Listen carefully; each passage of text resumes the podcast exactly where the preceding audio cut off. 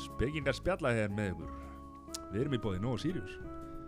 Nú er hérna hálsbrjósikurinn maður. Það er að koma nýr hálsbrjósikur Já, nú er, nú er hérna kuldin og frostið komið. Já, og þá er svo gott að fá sér hálsbrjósikur Það er, er oft með eitthvað djöfisir skít í hálsinum og eitthvað. Já, hverka skýtur Og þetta er svona sterkur chili brjósikur maður.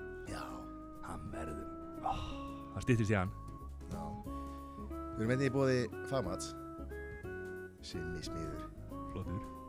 Flottlöka Já, Ennþá flottari Innaðan já, Hann ástandskoðar Rakamælir Og allir sem er í fastegna hugleggum Eða eru að, að hérna, Vilja aðtóða hvort það sé mikla Eða slíkt eh, heima hjá sér. Hafa samband við Simma. Simmi smiður, fagmat.is Svo var hann að hérna parkatleikja dag Já, hann var líka og hann er nú ekkert mikið, hann hefur ekki tími í það því hann er að rakamæla svo mikið en hérna, endilega fylgjast með því sem er smiður á bæði hérna, Snapchat og Instagram. Gaman að fylgjast með hann svo er það hérna eitt besti og flottasti málari landsinsmæður Á nefa á nefa Steppi, 250 litir. Liti.is við vorum að færa okkur í nýtt húsnæði.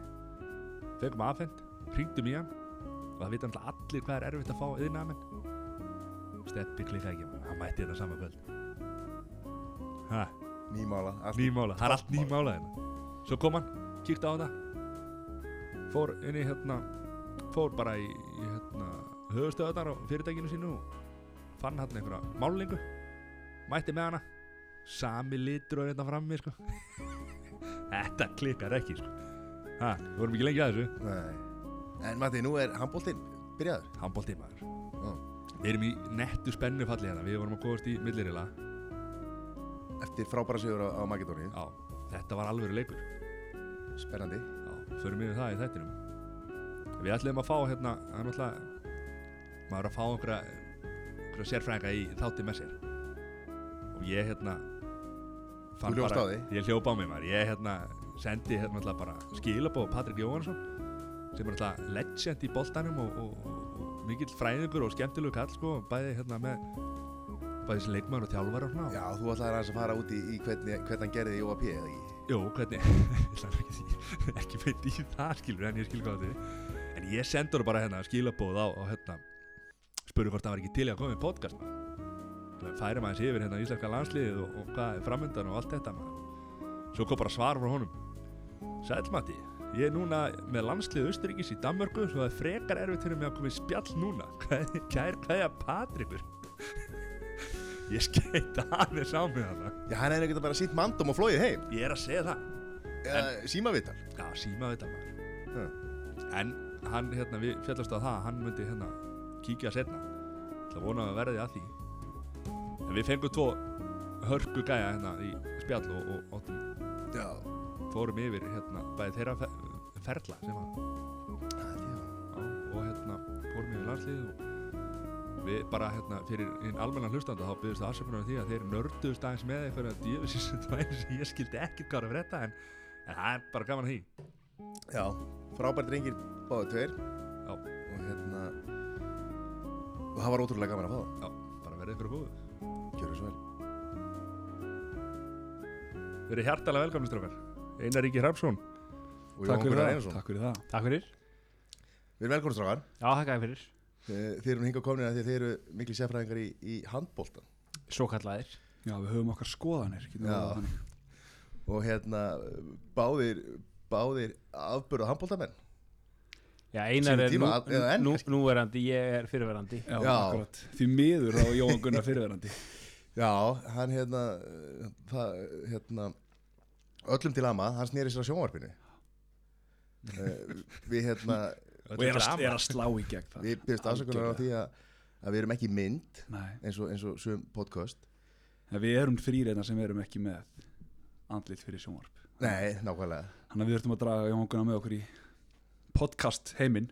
Já, þetta er svona Dóldi veist of Hvað segir maður? Talent. Já, talent að vera ekki með mig í mynd Það er alveg satt. Þetta er svona mjög faglegt í okkur Hérna strákar, ég segi það ekki.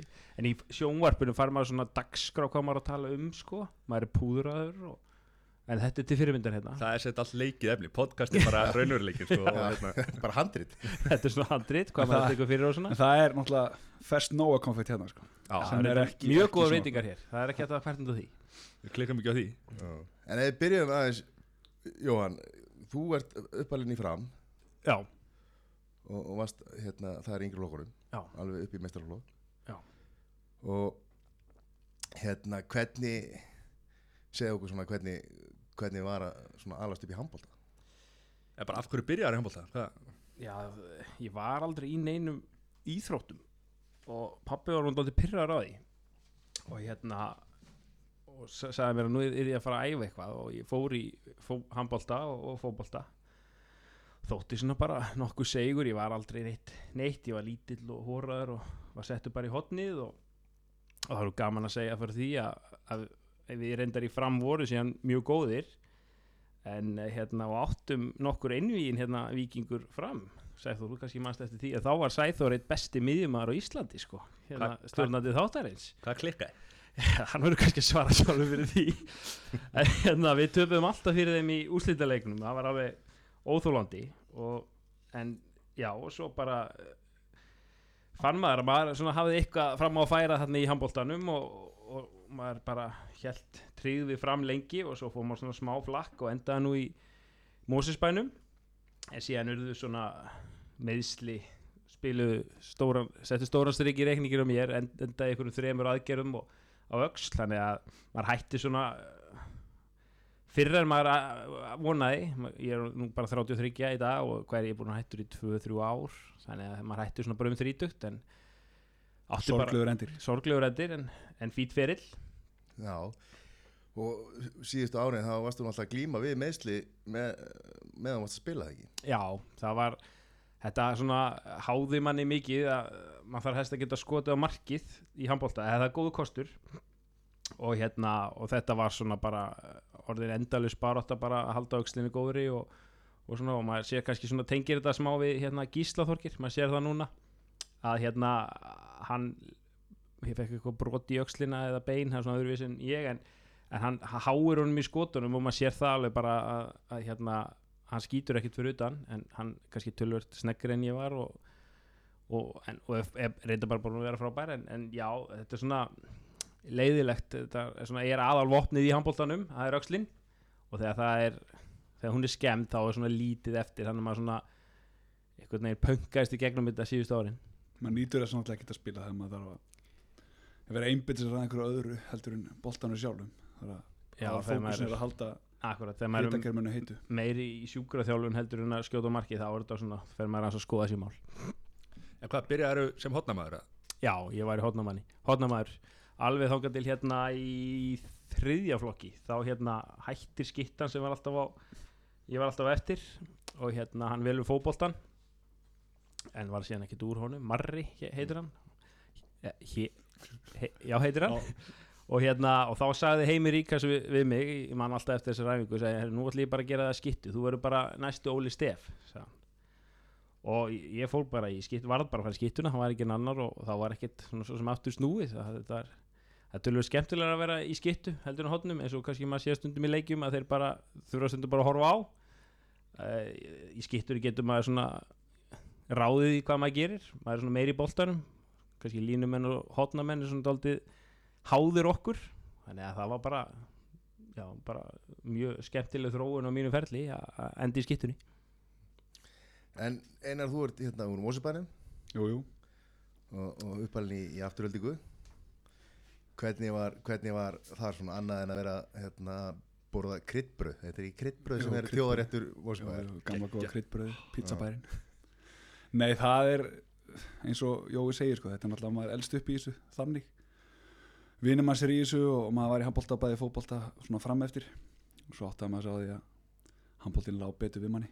Maður kannski ekki alveg eins já, liðtækur í fótbóltanum þannig að maður valdi handbóltan og maður sá ekkert eftir því. Þetta er eins og aðrar íþróttir, þetta er svo mikil þetta er rosalega skuldbinding. Yeah. hvenar í svona þriðja flokki er, eru, eru komnar fimm æfingar á viku og, og svo þegar hérna, menn, eru konur upp í meistar, menn og konur eru konur upp í meistarflokka þá er þetta bara eftir vinnu og, og fram yfir kvöldmann Já, þetta er, og líka eins og segir, þetta er náttúrulega í meistarlóksaldrinu þá er þetta þann sá tími, þú ert á æfingu hálf 67 eða 6 til hálf 8 eða eitthvað þess áttar sko.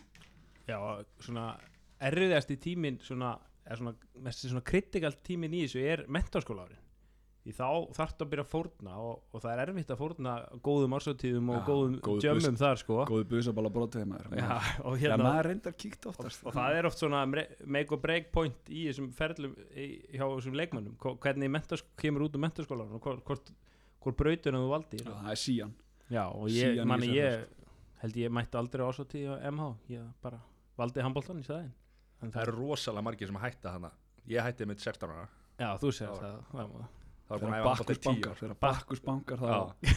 þá tínast, þessi, tínast veiku einstaklingarnir út Eða sterkur Já, sem- svo, svo eru mennir svo ég og Jói sem ná að henda þetta bæði sko. Já, það er vest sem að eðilega þetta fyrir mér það voru hérna, var komin í háskóla og, og það voru hérna vísindaferðinar maður var alltaf Já, að missa þeim svo mætti Ég- maður á mánudegi og allir að tala um hérna tala um síðustu vísó Já, ég fór einmitt í enga vísindaferði mína, minni háskólagöngu þó ég, sem sé, ég reyndar var ekki eins og Jói ég, ég let alveg sjá mig á þessum helstu ásáttíðum sko. þannig að Ég er svo ánægð með Við erum búin að krifja núna Hvað erum búin að vera hérna tímyndir Við erum búin að krifja af hverju sætur hætti handbólta sko. Það voru þetta vísind að ferða já ég valdi vísindi yfir hann Já, menn hafa hætt fyrir minna það.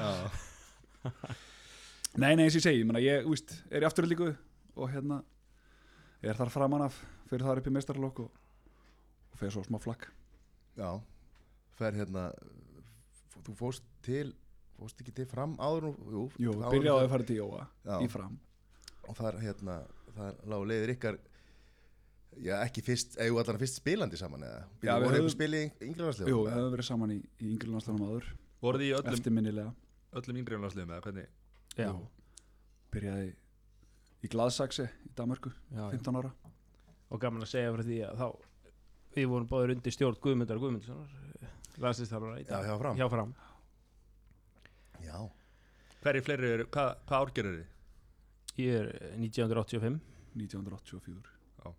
Þannig að við erum í rauninni 84 landsliðið kom úr þeim úr líka landsliðshóp sko. Evrópu Sem- meistara hófnum Já, það var rosalur hópur. Arnur Alla og Ásgeir og Bjöggi. Kári Kristján. Já, Átni Sigtryggs. Já, Átni Sigtryggs. Svo voru svona menn sem hættu að, að týndust úr þessu þeir sem muni eftir Andra Stefan og Ragga Hjalt og þetta voru Pálma Pétursson.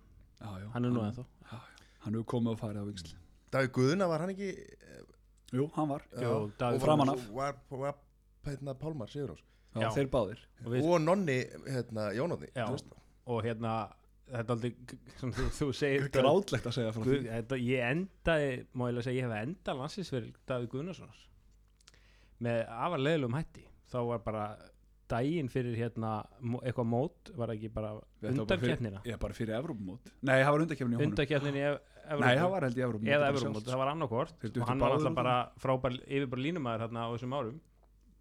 Og þá erum við í fótbolta og, og ég skýt í auga á hann og það s- sprengir ykkur æðar og sem var svo sem ekkert mál hann mátti alveg spila handbolta en hann mátti bara ekki fljúa hann komst ekki með. Og, og eftir þá, þá, þá bara unnu aðri sig inn og Já. hann svona einhvern veginn komst aldrei inn í þetta aftur sko. Högg fyrir hann sko. Já, Og í rauninni viking í heldina sko. Ég held að vikingur hefði bara aldrei jafnast eftir þetta. Nei, Nei, ég veit að þetta Þetta var er sofandi, sofandi risi. Já já. Þú átti frábært ári háká Já, svo fór ég í dyranesið Mitt lið maður. Tók, tók eitt ár í dyranesinu Það var Já, með mitt Gunnar Magg sem þjálfara sem er hinn landslýstjálfarin Þannig að Það var gott ár. Já, Og það var á, það var á lélega gólfinu í dyranesinu já. og þú áttu nú flott hann atvinnumanna líka. Heldur betur. Nei, svo var ég átta ár í útlundum já. sem var bara skemmtilegt. Skemmtilegt tími. Gaman kannski að segja frá því að ég var líklega slakasta atvinnumanna fyrirlin sem hefur verið spilaður. Ekki það lítið um Kassel maður. Það hérna. Vil ég vita það?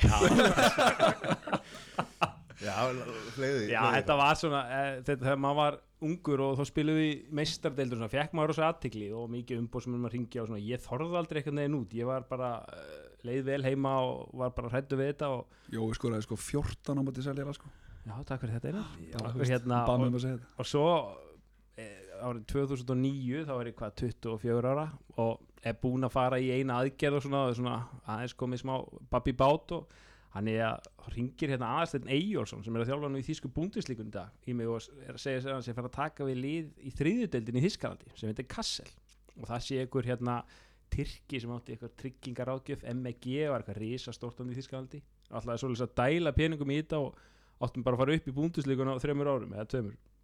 Og ég fer hérna með tveimur Íslendingum hérna Daniel Berg Gretasinni og, Guðjónu Drengsinni og við erum búin að vera hérna í gengur ágætlega og ég segi það ekki og við erum búin að vera hérna að spila já þetta er gerist í oktober þá kemur bara í, í fréttum um allt Ískaland þá er þessi Tyrki búin að ekki borgi skatt og hann flúði í þyrlu frá Ískalandi og liði frá hausinn.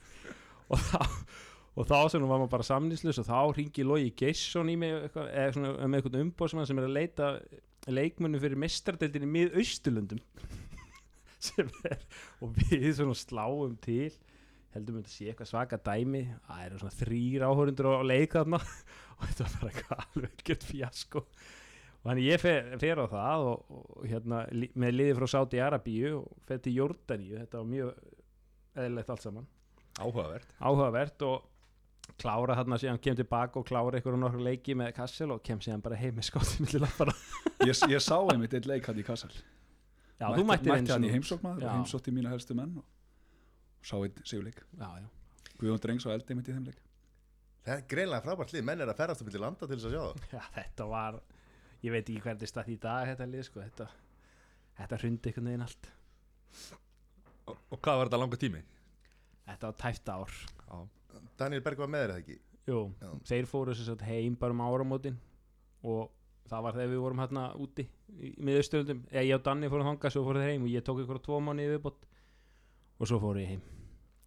Þannig að það var nú ekki mikið úr þessu. Það er nú meiri margir aðri hvað átt þú margir mörg ári í aðdurum sko? Sæður, Ég, bara ekki neitt. Það er alltaf meira, er sko. alltaf meira heldur en allir þessi helstu köruboltamenn landsins. Já, þeir verðast bara frá út í mánuð og koma svo tilbaka. Mic drop. Skulum ekki fara að tala í körfum hérna. jú, jú, Brjálar En já, já, er þið ekkert að, er að þjálfa í dag? nei, ekki. En, engin áhugi fyrir því?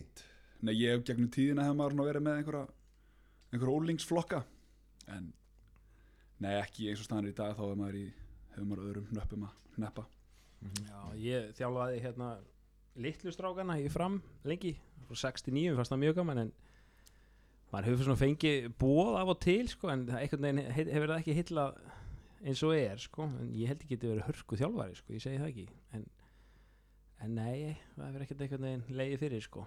Maður hefur líka svona einhvern veginn átt að segja á því svona setna meira, þetta er miklu meiri vinn en maður held sko. Þegar maður var að byrja í þessum svona, þá kannski maður maður átt að segja á því hvað þetta er svaka vinn að vera meistarflokks þjálfari og, og vera í öllum þessum stúderingum og þetta er svaka viðvera í, í klippigræjum og, og, og horfa á leiki sem að Reyndar er komin í að horfa leikina á öðrum vikstöðum í dag Og flestir þjálfarar í sko, fullir í vinnu annar staðar sko. Já, akkurat meginstefnum til en er ekki miklu meiri set, þjálfun og æfingar núna heldur um voru þegar þið byrjuði mestrarflokku eða? Já, og öðruvísi það er, ég, ma- þegar ég var að byrja þá var bara þá var bara svona 10 km ringur og 5 km ringur 10 km ringur var hérna hjá Snorrabraut og 5 km var upp kringlumarabraut alveg drefleðilegt í öllu veðrum og, og, veist, og svo var bara og, og var bara svona bara styrtaræfing og voru bara ringur í salnum. Nú er þetta allt orðið svo miklu, miklu svona faglegra. Menn eru hættur öllu svona útilöp nú er þetta svona intervallaup búið að sanna að það sé miklu betra. Menn eru að hlaupa á púls. Það eru öll líka með styrtar þjálfara sem bara séru hérna, þa þann hluta og miklu meiri, meiri fræði endurheimt. Var, endurheimt var alltaf bara fótbolti. Hérna, þegar maður var að byrja. Já. það var bara klukktíma fótbolti. Nú er þetta alltaf svaka tegjur og, og hérna alls konar æfingar í því líka. Þannig að já, það er, mér- er ekki sammálað þér þetta er svona allt þróaðist miklu- mjög hratt. miklu meiri pælingar á bakvið sko. Eins og hann segir, í gamla daga var þetta bara gamli góði 10 km og svo inn í hnepi og, og backpressu sko. já, þið uppi esjuna ekki og Jú, eða, þú veist við, við, við viking hérna, fórum náttúrulega bara 11 á dalinn sko það er náttúrulega náttúruparadís og maður bara krekt í lags á leiðinni sko. Já, já, það var dok doktorinn í Mosó hlaupa doktorinn en sko já, nú, nú er allir með hérna, Silji Úlfars að kenna þeim að hlaupa og, og hérna komnir einhverjir hérna já, svona kannski fleiri þjálfar og fleiri þjálfunar aðferðir. Og hérna ég var reyndar, var nú einu sinni undir stjórn Gunnar Mag og hann var náttúrulega mjög snemma byrjaðar í þessum klippi pælingu sko. Já, ég held að hann hafi bara verið einn af þeim fyrstu sko. Já, Já, klippi líka undirbúningurinn og allt öðruvís já, og hann var líka í rauninni þegar hann er að byrja það er fyrir þetta svo kallega sideline sko. Já, já. í dag er, með, er þetta sideline forreit sem að hálf klippir þetta fyrir því sko.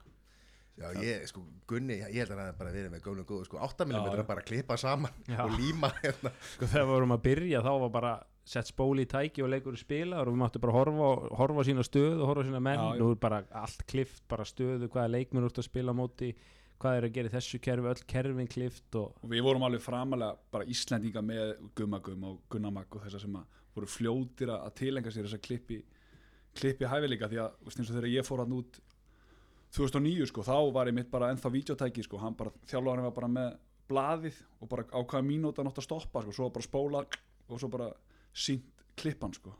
Þannig að það svona í rauninni líka gaf okkur þetta forskot sem við fengum snemma á, á þessari öld að við vorum betri en hinn liðin að leikarina í, í þessum hvað- af- Er, er þetta ástæðan fyrir því að við erum með bara heimsklass, marga heimsklassa þjálfara?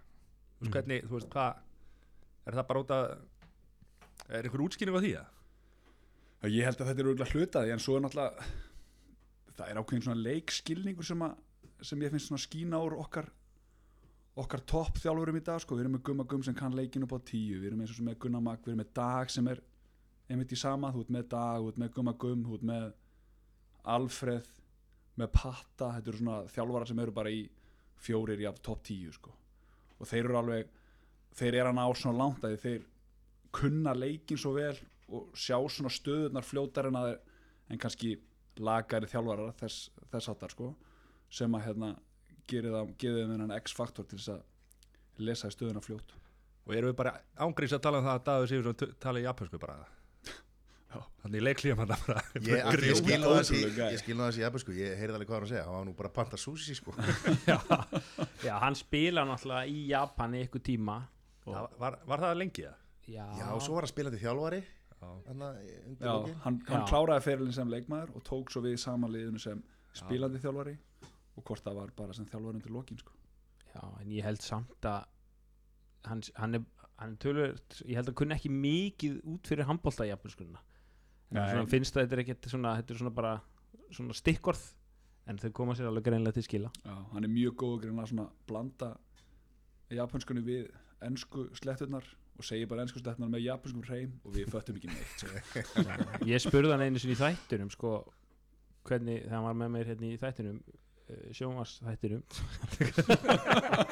var að tala um hvernig maður segir null á japansku hann hafði ekki hugmynduð það, það komið óvart. Þannig hún er, hann þarf aldrei að segja null greiðlega Þeir eru ekki að vinna með 6-0 verðina ég er ekki að segja það er bara merki fyrir það. Já, hérna, já, við erum með hvað, við erum með fimm þjálfara, Kristján Andriðsson er hérna með, hérna, hann er auðvitað hann líka. Já, og hérna, og svo eru náttúrulega þeir sem að Geir Sveinsson er nýbúin að vera þarna Erlingur er nýbúin að vera þarna. Já, hann er Hvernig er- Holland. hverjum er að gleyma Jói? Heitir hann sem með hérna Alla Norðurlandstelpur Jóls. hm. Alla Jóls jú, hann Það ekki, hvað heitir hann? sem var með grínast með norska störfbúður Þóri Herger, Þóri Herger Já, já.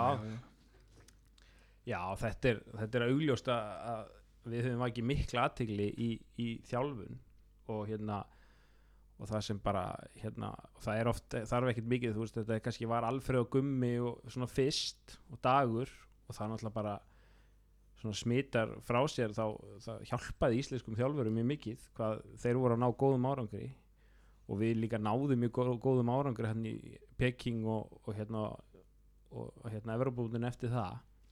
Og ég held að stór partur einmitt sé hvað við vorum framalega í svona undibúning og skilning. Það er íslensk, hérna á Íslandi þá það sem við alltaf tala um að vantar hérna svona kraft og, og styrk svona hæð, það er svona hefur alltaf verið að tala um. Þess vegna þurfum við að vera betri í svona leikskilning og, og svona klókindum og það hefur bara skilað okkur og skilað sér ótrúlega vel í þjálfun svona yfir, yfir höfu og þú ert komið bæði það og leikmenn sem eru stórir og sterkir þá getur það ekki verið nema neitt gott komið út úr því sko Já, já. Og Patrikur, eða, eins og jú, jú, flesti þekkja hann, pab, pabbi Jó, hérna, P. bróðið fórsetans Já, fróðu fórsetar. hann er náttúrulega búið er náttúrulega núna með Austuríki og, og var úti, var með M-stettin enn í krigu 2010 og eitthvað þannig að hann er búin að svona brenna sig aðeins í þessum útlandsbolta og er náttúrulega núna að fara í, í svakaklub í Skjern í Danmarku sem að sem eru náttúrulega, já, dönsku meistararnir núna og eru, og eru hérna já, bara frábært stökk fyrir hann. Já, bara til held ég að sína hvað Ísla, ef, e, hérna, til að einblýna hvað Ísland er með stórt þjálfaralega séð og þá var maður að heyra sko að, þeir sem komum til greina sem þjálfarar hafi verið einmitt mest megnis Íslendingar. Maður var að heyra Patta og Erling Harald Kristján sem við Kristján. að nefna í, í svona þannig að þetta er, þetta er alveg ótrúlega þegar maður spáir í því. Já, þetta eru bara orðnir 8-9 stykki sem eru bara búinir að blómstra á einhverju tíðanbúti erlendi sko. Já, En hvað er hérna og með eigum, þessu- eigum fullt að góða þjálfurum hérna í bara íslensku deildin í dag sem eru kannski yngri og eiga eftir að algjörlega.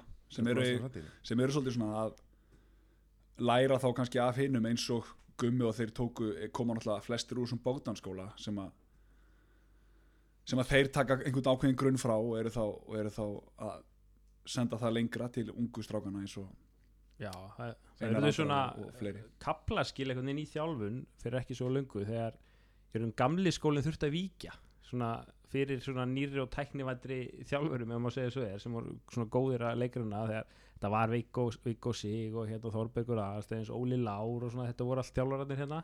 Já, byggi sig. Já, Já, ég, já, akkurat. Upp og bjarki sig og svona bara svona sem var svona af þessum gamla skóla. En nú er þetta allt orðin svona svipa gamli náungar, alveg ótrúlegir handbólta nöllar bara, bara ger ekki annan að tala og hugsa um handbólta og deildið hérna heima við sjaldan verið með eins góða þjálfara og núna þetta hérna árið og, og þannig að það er bara, já. Það er alveg, alveg, alveg eins bjart framöndan þar eins og eins og í ungu strákunum okkar. Já. og skemmtilegast í þjálfara landsins tímalust Sebastian Alessansson Já, Basti, hann er mjög skemmtilegur. Hann er, hann er skemmtileg típa það er ekki að segja. Hann kollegið þín í sjónvarpinu? Jú, jú, jú, jú. Já, Basti er náttúrulega bara eh, ótrúlega skemmtilegur náðingi sko. Það er, hann er mjög slæmur að segja sögur. Allir segir oft alveg dref leðilegur og langa sögur sko en mjög skemmtilegur náðingi Já, og þú veist, eins og þú veist núna maður sér self og skilur komnir það sem þeir eru og það er ákveðin ákveðin uppbygging sem Basti sáum sko á Já. Selfossi. ég venna að spyrja þig, manstu hvað Ritgerinn hans hérna, hvað var nafnið á henni? Ég, ég maður það ekki sko þetta var eitthvað viðhorf eitthvað þetta snýri sér satt um að, að viðhorf lýsenda, íþrótta lýsenda og sérfræðinga he- hefði svo rosalega mikið áhrif á viðhorf almennings Mm. svona hvernig þeir töluðu um það í lýsingu og svona þú veist, ef þeir rósuðu dómarum mikið þá fannst fólki dómararnir Já, góðir. en ef þeir svona var að tala um ábyrð lýsenda og svona sérfræðinga í, í, þess, í dómgæslu. Já. sýnir ábyrð setnibilgjunar Talað þeir um geta, það þeir geta búið til menn á einni nóttu en þeir geta, geta tekið á lífi líka. Orðið fylgir ábyrð já, ég veit það. Með verið fengið alveg að finna hans fyrir því sko. En er ekki aukin svona hérna eftir eftirspurnu og, og, og hérna bara er ekki fólk að horfa meira á handbólta eftir að setja bylgja byrjaði og, og þessi umfjöllun á eða hvernig hérna Já, Finnið það þið fyrir því eitthvað? Jó, eh, fyrir eftir í hvernig eh, umfjöllinu er orðin miklu meiri og hérna miklu fagleiri þetta var á rúf var þetta manni þegar maður kláraði leik þá fór maður þegar maður var að spila til dæmis í Mósesbæ þá fórum við alltaf upp á hvíta rittara til að vonast til að sjá 30 sekundar klippi úr leiknum í tíufréttum.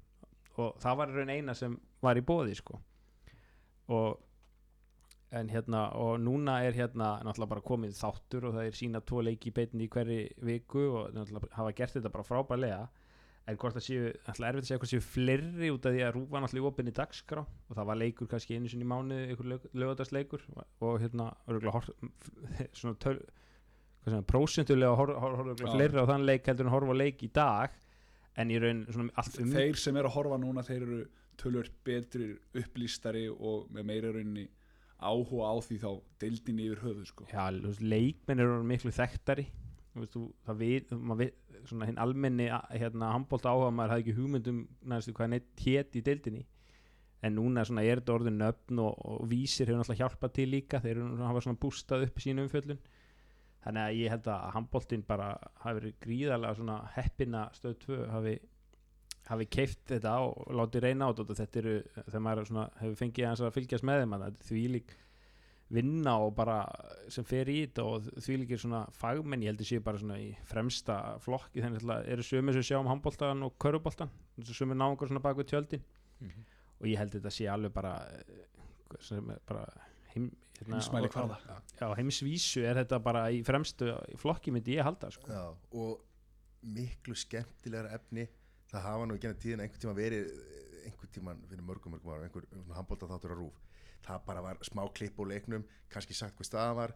Nú er hættisu og, og, og öll þessi svona skemmtilegri atrið sko. já, já, já, það er alveg rétt að, að það er svona að vera með svona þáttur mjög vand með farið eh, og svona það er, maður fær alveg að heyra það ef að þetta er ekki nóg gott og, og svona ég held þegar við, eða handbóltin Tommy byrjaði með sendibilgjuna að svona að hún langaði svona að vera mitt á milli Pepsi markan og Köruboltakvöld að svona að svona vera ekki, út af því náttúrulega Köruboltakvöld hefur það fram yfir aðra þætti að þeir eru á föstudagskvöldum og það er oft svona léttari yfir mönnum og menn geta svona aðeins reyngið sér ef, að- ef, að- ef að er stuð á mönnum. Og hérna við erum á mánudum það er svona aðeins að réttlæta það en svona og svo er náttúrulega Pepsi mörkin eru kannski svona aðeins alveglegri þáttur og hérna og svona hann vildi svona planta sér á milli vera svona bæði bara faglegir en hann, vildi, hann var svona líka léttleika í þessu Já. og hérna og hætti sem mitt að svona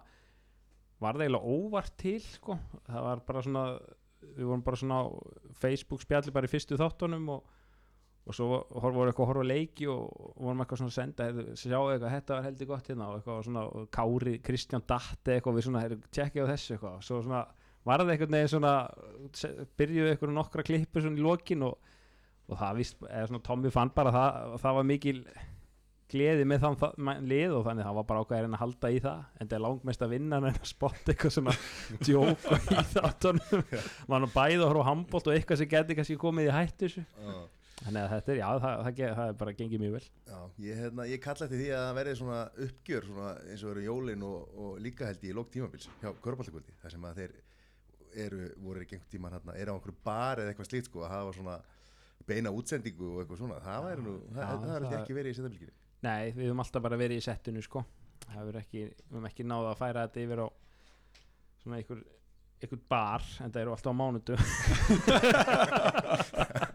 Já, en, en, en sko ekki bara fræðand og skemmtilegt sko hafa hérna, það líka verið að koma fram upplýsingar sem eiga heima fyrir framan alþjóð eins og sagan á baku Óla Óhæðilega Já, þetta eru sögur sem að þurfa að koma fram í dagsljósið.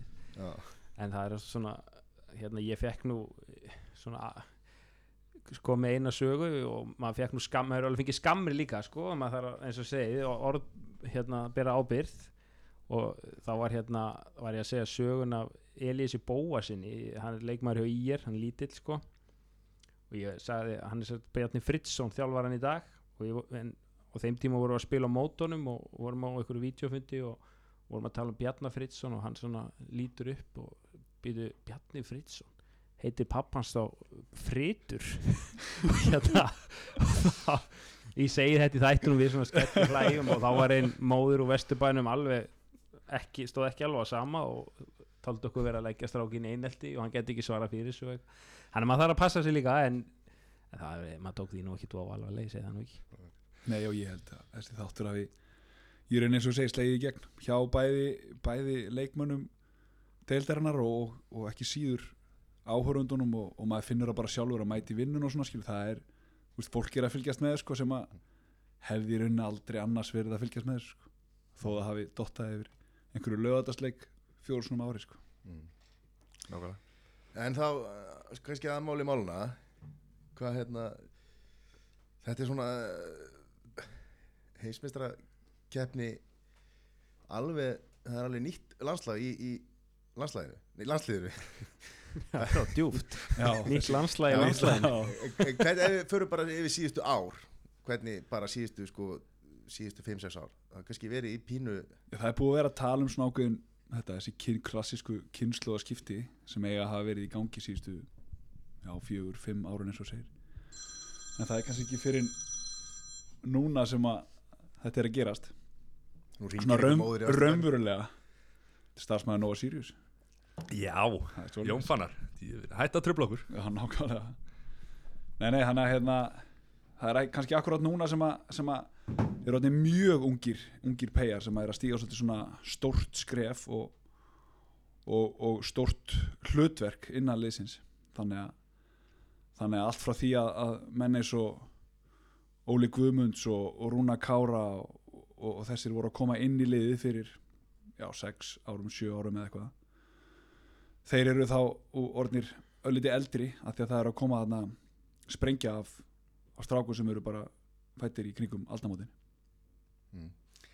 sko, já, það er ekki langt síðan að, að sko, kjúklingarnir, nú er ég að gera gæðsalapir svona fyrir það sem að sjá ekki að sko, þá var Óli Gústa, Óli Guðmunds, þá voru þeir kjúklingarnir sko, þegar þeir voru 25 ára sko, þú veist, það, það vantaði þarna, vantaði þarna 20 ára til 25 ára sko, já, ég man en það var raun ekki pláss fyrir þessa gæja í liðinu þegar þeir voru tvítur þá voru við bara á á ákveðnu stað með okkar landslið og, og með þessar kannski svona stóru, stóru stjörnur sem að voru bara í í ágættis málum og, og að spila vel og, og allt þetta út í heimi. Og þeir náttúrulega bara voru í landsliðuna sjálfsögðu. Þannig að, þannig að skrefið inn í landsliði var auðvitað setna á þeim árum heldur en akkurat sem er að gerast núna sem að, sem að ákveði pláss er búið að opnast fyrir, fyrir Hengum við á lengi á þessum eldri leikmönnum eða er, Nei, það er nú ekki, held ég hægt að segja það, náttúrulega, þetta var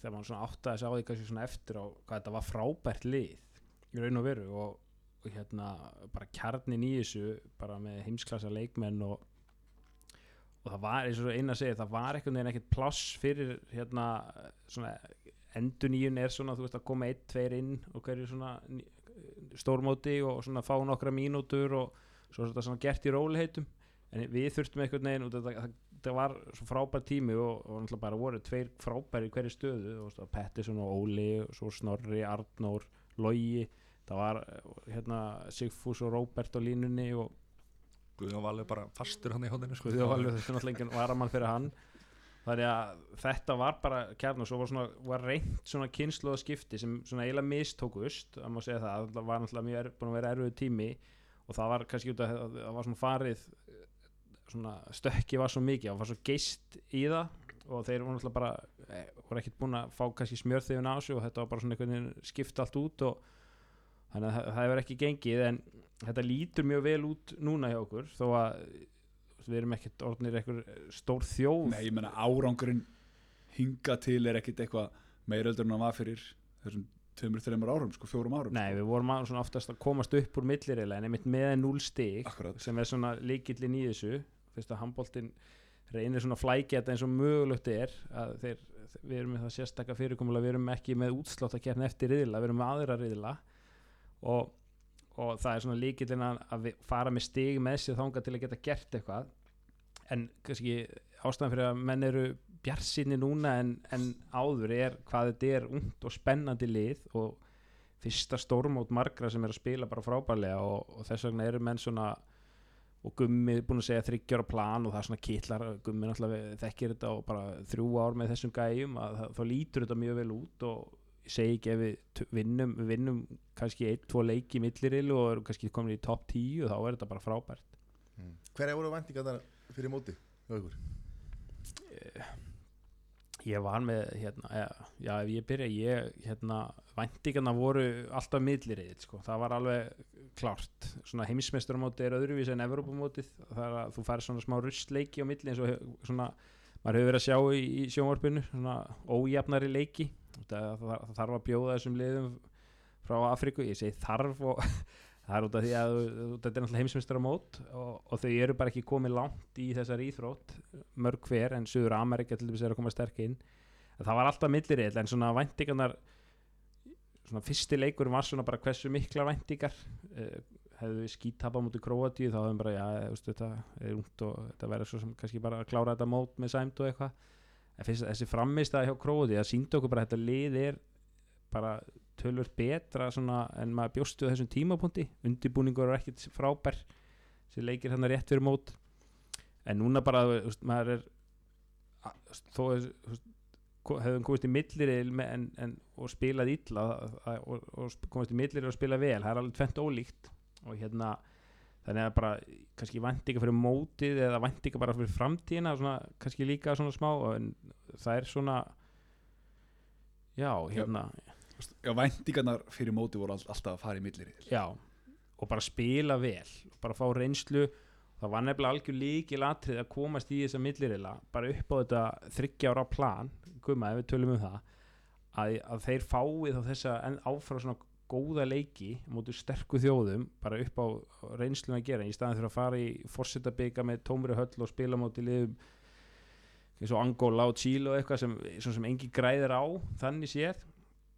Og hérna bara miklu skemmtilega líka fyrir okkur að horfa og svona þannig að þetta var gríðarlega mikilvægt að, komast í þessa millirilla e, í, sest, já, í sest, efri millirilla Já, svo skiptir þetta held ég líka einhverjum álöfum einhverja styrkleika í framhaldinu og eitthvað svona sko, þannig, að, þannig að þetta er í rauninni á pari við það sem maður ætlaðist var auðvitað að fara í milliril en að samaskapi þá eru ákveðnir bjartir punktar sem maður hefur séð í reyðlakeppni sem sem að kannski bjóst kannski ekki alveg við. Þannig að miða við, eins og Jói segir, undirbúningurum var ekki góður þannig að En er ekki svolítið pressan svona farin af okkur núna? Nú eru konur búin að ná þessu markmiðu vantalega sem að fara upp í millirilina Þú veist, nú spilum við bara svolítið með litla pressa á okkur og getum kannski notið þess að spila mótið þessu stóru lið við förum alltaf núna inn í já, bara á lögadaginn strax á mótið þjóðverjum.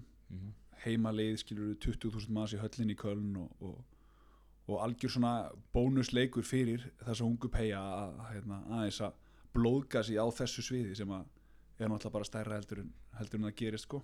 Allt, allt undir á Þýskalandi og við bara svona Já, maður þarf samt að passa sig sko, pressan er mjög vand með farin sko, ef, ef við ætlum að vera bara sáttir og fara pressulöysur og hafa gaman þá er alla líkur og við verðum bara valtað yfir okkur sko. og hérna, maður þarf, ég veit alveg gummi Já, að fara ekki bara að vaka í alla nótt að klippa þjóðverðin og bara, veist, og hann, ætla, við ætlum við erum alltaf Ísland og við erum búin að vera þarna í þessum toppi bara í handbóltanum lengi og við gerum alltaf ráð fyrir að vinna leikina. Þú veist, við förum alltaf og höldum skonum kannski fyrsta marki og það er allir bara við tökum þetta hefur við bara potið við erum svo ógislega fljótir að verða bara bjarsinasta þjóð í heimi sko. Já, og svo svart sínast að Já, þjóða já, en nákvæmlega. Sko. getum við einmitt notað þess að, veist, að vera svona pressulausir í góða, miklu svona, eða svona góða hluti. Það er líka hægt að nota þetta einmitt þannig að svona, þetta er svona það er mjög þungu fargi af liðinu létt og gum að komast í hennar millireil þetta hefði verið, það, eins og segi, ég var að horfa á þetta hann áðan og ég var bara, þegar við vorum hann í hálfleiki ég nenni ekki að koma hérna og tala um hávalda ég var alveg bara,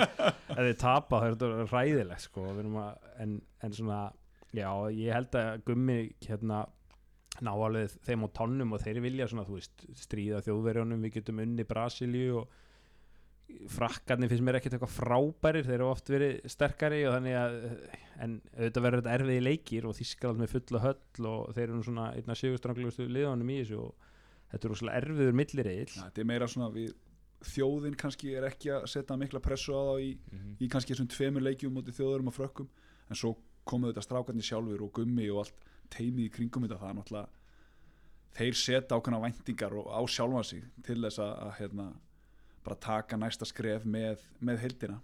En hvaða, hvaða fróðu heilar er að stjórna þessu? Er, við erum að spila á móti Þýskalandi á lögadaginn og frökkum á sunnudaginn. En frakkar er með tvo dagi frí. Ég, er þetta ekki bara, þú veist, þú græðir á því að vinna þinn reyðil eða, þú veist, og meðan Það að við heldur kannski betur, hvað maður með ekki Heldur anda aðeins eða? Hvað? Það það er ferðardagur á morgun. Að það er líka sko, Sko bara... þeir, þeir eru að spila hvað? Þeir eru í Berlín eða, Eh, nei þeir eru í Köln. Nei þeir eru í Berlín, þjóðverðinir og, og frakkarnir Núna? já, Já, ég held sér Berlín. Já þannig að þeir eru í fjara tíma rútu og við erum í sjö tíma eða eitthvað. Já, ef, það er eitthvað sem handbóltin er lélugur í þá er það skipulegja svona viðbyrði sko. og hefur alltaf verið þetta hefur alltaf verið oft svo flókið og erfitt svona fyrir alveg almenna áhuga þetta er fáralegt að frakkar sér tveggja þetta kvíld með Mhm. við erum bara koma beint úr leik. Já, ég sá þetta einmitt að náðan, ég skil þetta ekki. Ég held að það væri bara allur milliriðlinn spilað á sömu dögum sko. ég, Þetta getur ekki verið flókið að vera með þetta bara Sömu dögunum, sko. en sko eh, ástæðan líka fyrir þessi millirila hérna dæmi, af hverju við erum ekki bara eins og fótboltinn og eh, hérna bara og körfuboltinn, HM og allt það að sé bara útsláttu keppni er að hérna þetta var svona að byrja þá var Danmörk og Þískaland svo langstæstu þjóðarnar í handboltanum og ef að þeir hefðu sagt, þá var það svona hugsunin að ef þeir myndi detta út í 16 lega þá myndi bara svona áhugin á mótinu hríðfalla það, veist, þeir voru bara langstæstu þjóðarnir í þessu. Þess vegna var svona ákveðið millirilla að þau verða sem lengst í mótinu Mm. hvort sem þessu standa sig vel eða ekki og svona, svo er þetta bara svona úslita leikin þetta er byggt þannig upp að bestu liðin komast alltaf í undanústin Já. þó þú mistýrið einu sinni þá átt alltaf sjansin á því að ná aftur. sem að sko er galli að því ég meina þú veist það er alltaf gaman á, á í fótboltanum þegar eins og þegar Gríkland var erupmeistari og þegar þessi litlu spútnikli kom áfram ég meina þeir geta bara að leita í smiðju HSI og, og breytt mótafyrirkomulæginu með tvek, á tveggjára fresti og verið með norður söður og, og fjaralega úslit, áttalega úslit eins og segja, handbóltin en þeir voru með 16 úrslit á síðasta háum já, þeir, þeir pröfuðu það. Ég- pröfuðu það sko, ég veit- ég veit ekki okkur það er, það er náttúrulega verið miklu betra fyrir skemmtilega fyrir okkur líka þó að svona eiga sensin að taka eitthvað raun og, akkurat. En þó að svona, þó hefum líklega fengið mjög sterkan aðstæðing en, þannig, en svona fyrir handbólt áhuga menn þá er alltaf skemmtilega frá fleiri leiki og í staðin fyrir kannski að fá Þískaldi 16 úrslutum á dettu út þá erum við líka að fá svona leiki við Frakland og Brasilíu og svona þannig að það eru kostur og gallar í þessu kannski kostu fyrir okkar, okkar ungu stráka að fá sem sagt, fá fleiri leiki og kannski meiri reynslu sem hægt er að byggja á já, já. og náttúrulega bara líka fleiri leiki fyrir okkur að horfa og, og meiri handbólti sko Já. En hvað, ég var nú með fullt eitthvað spurningum með það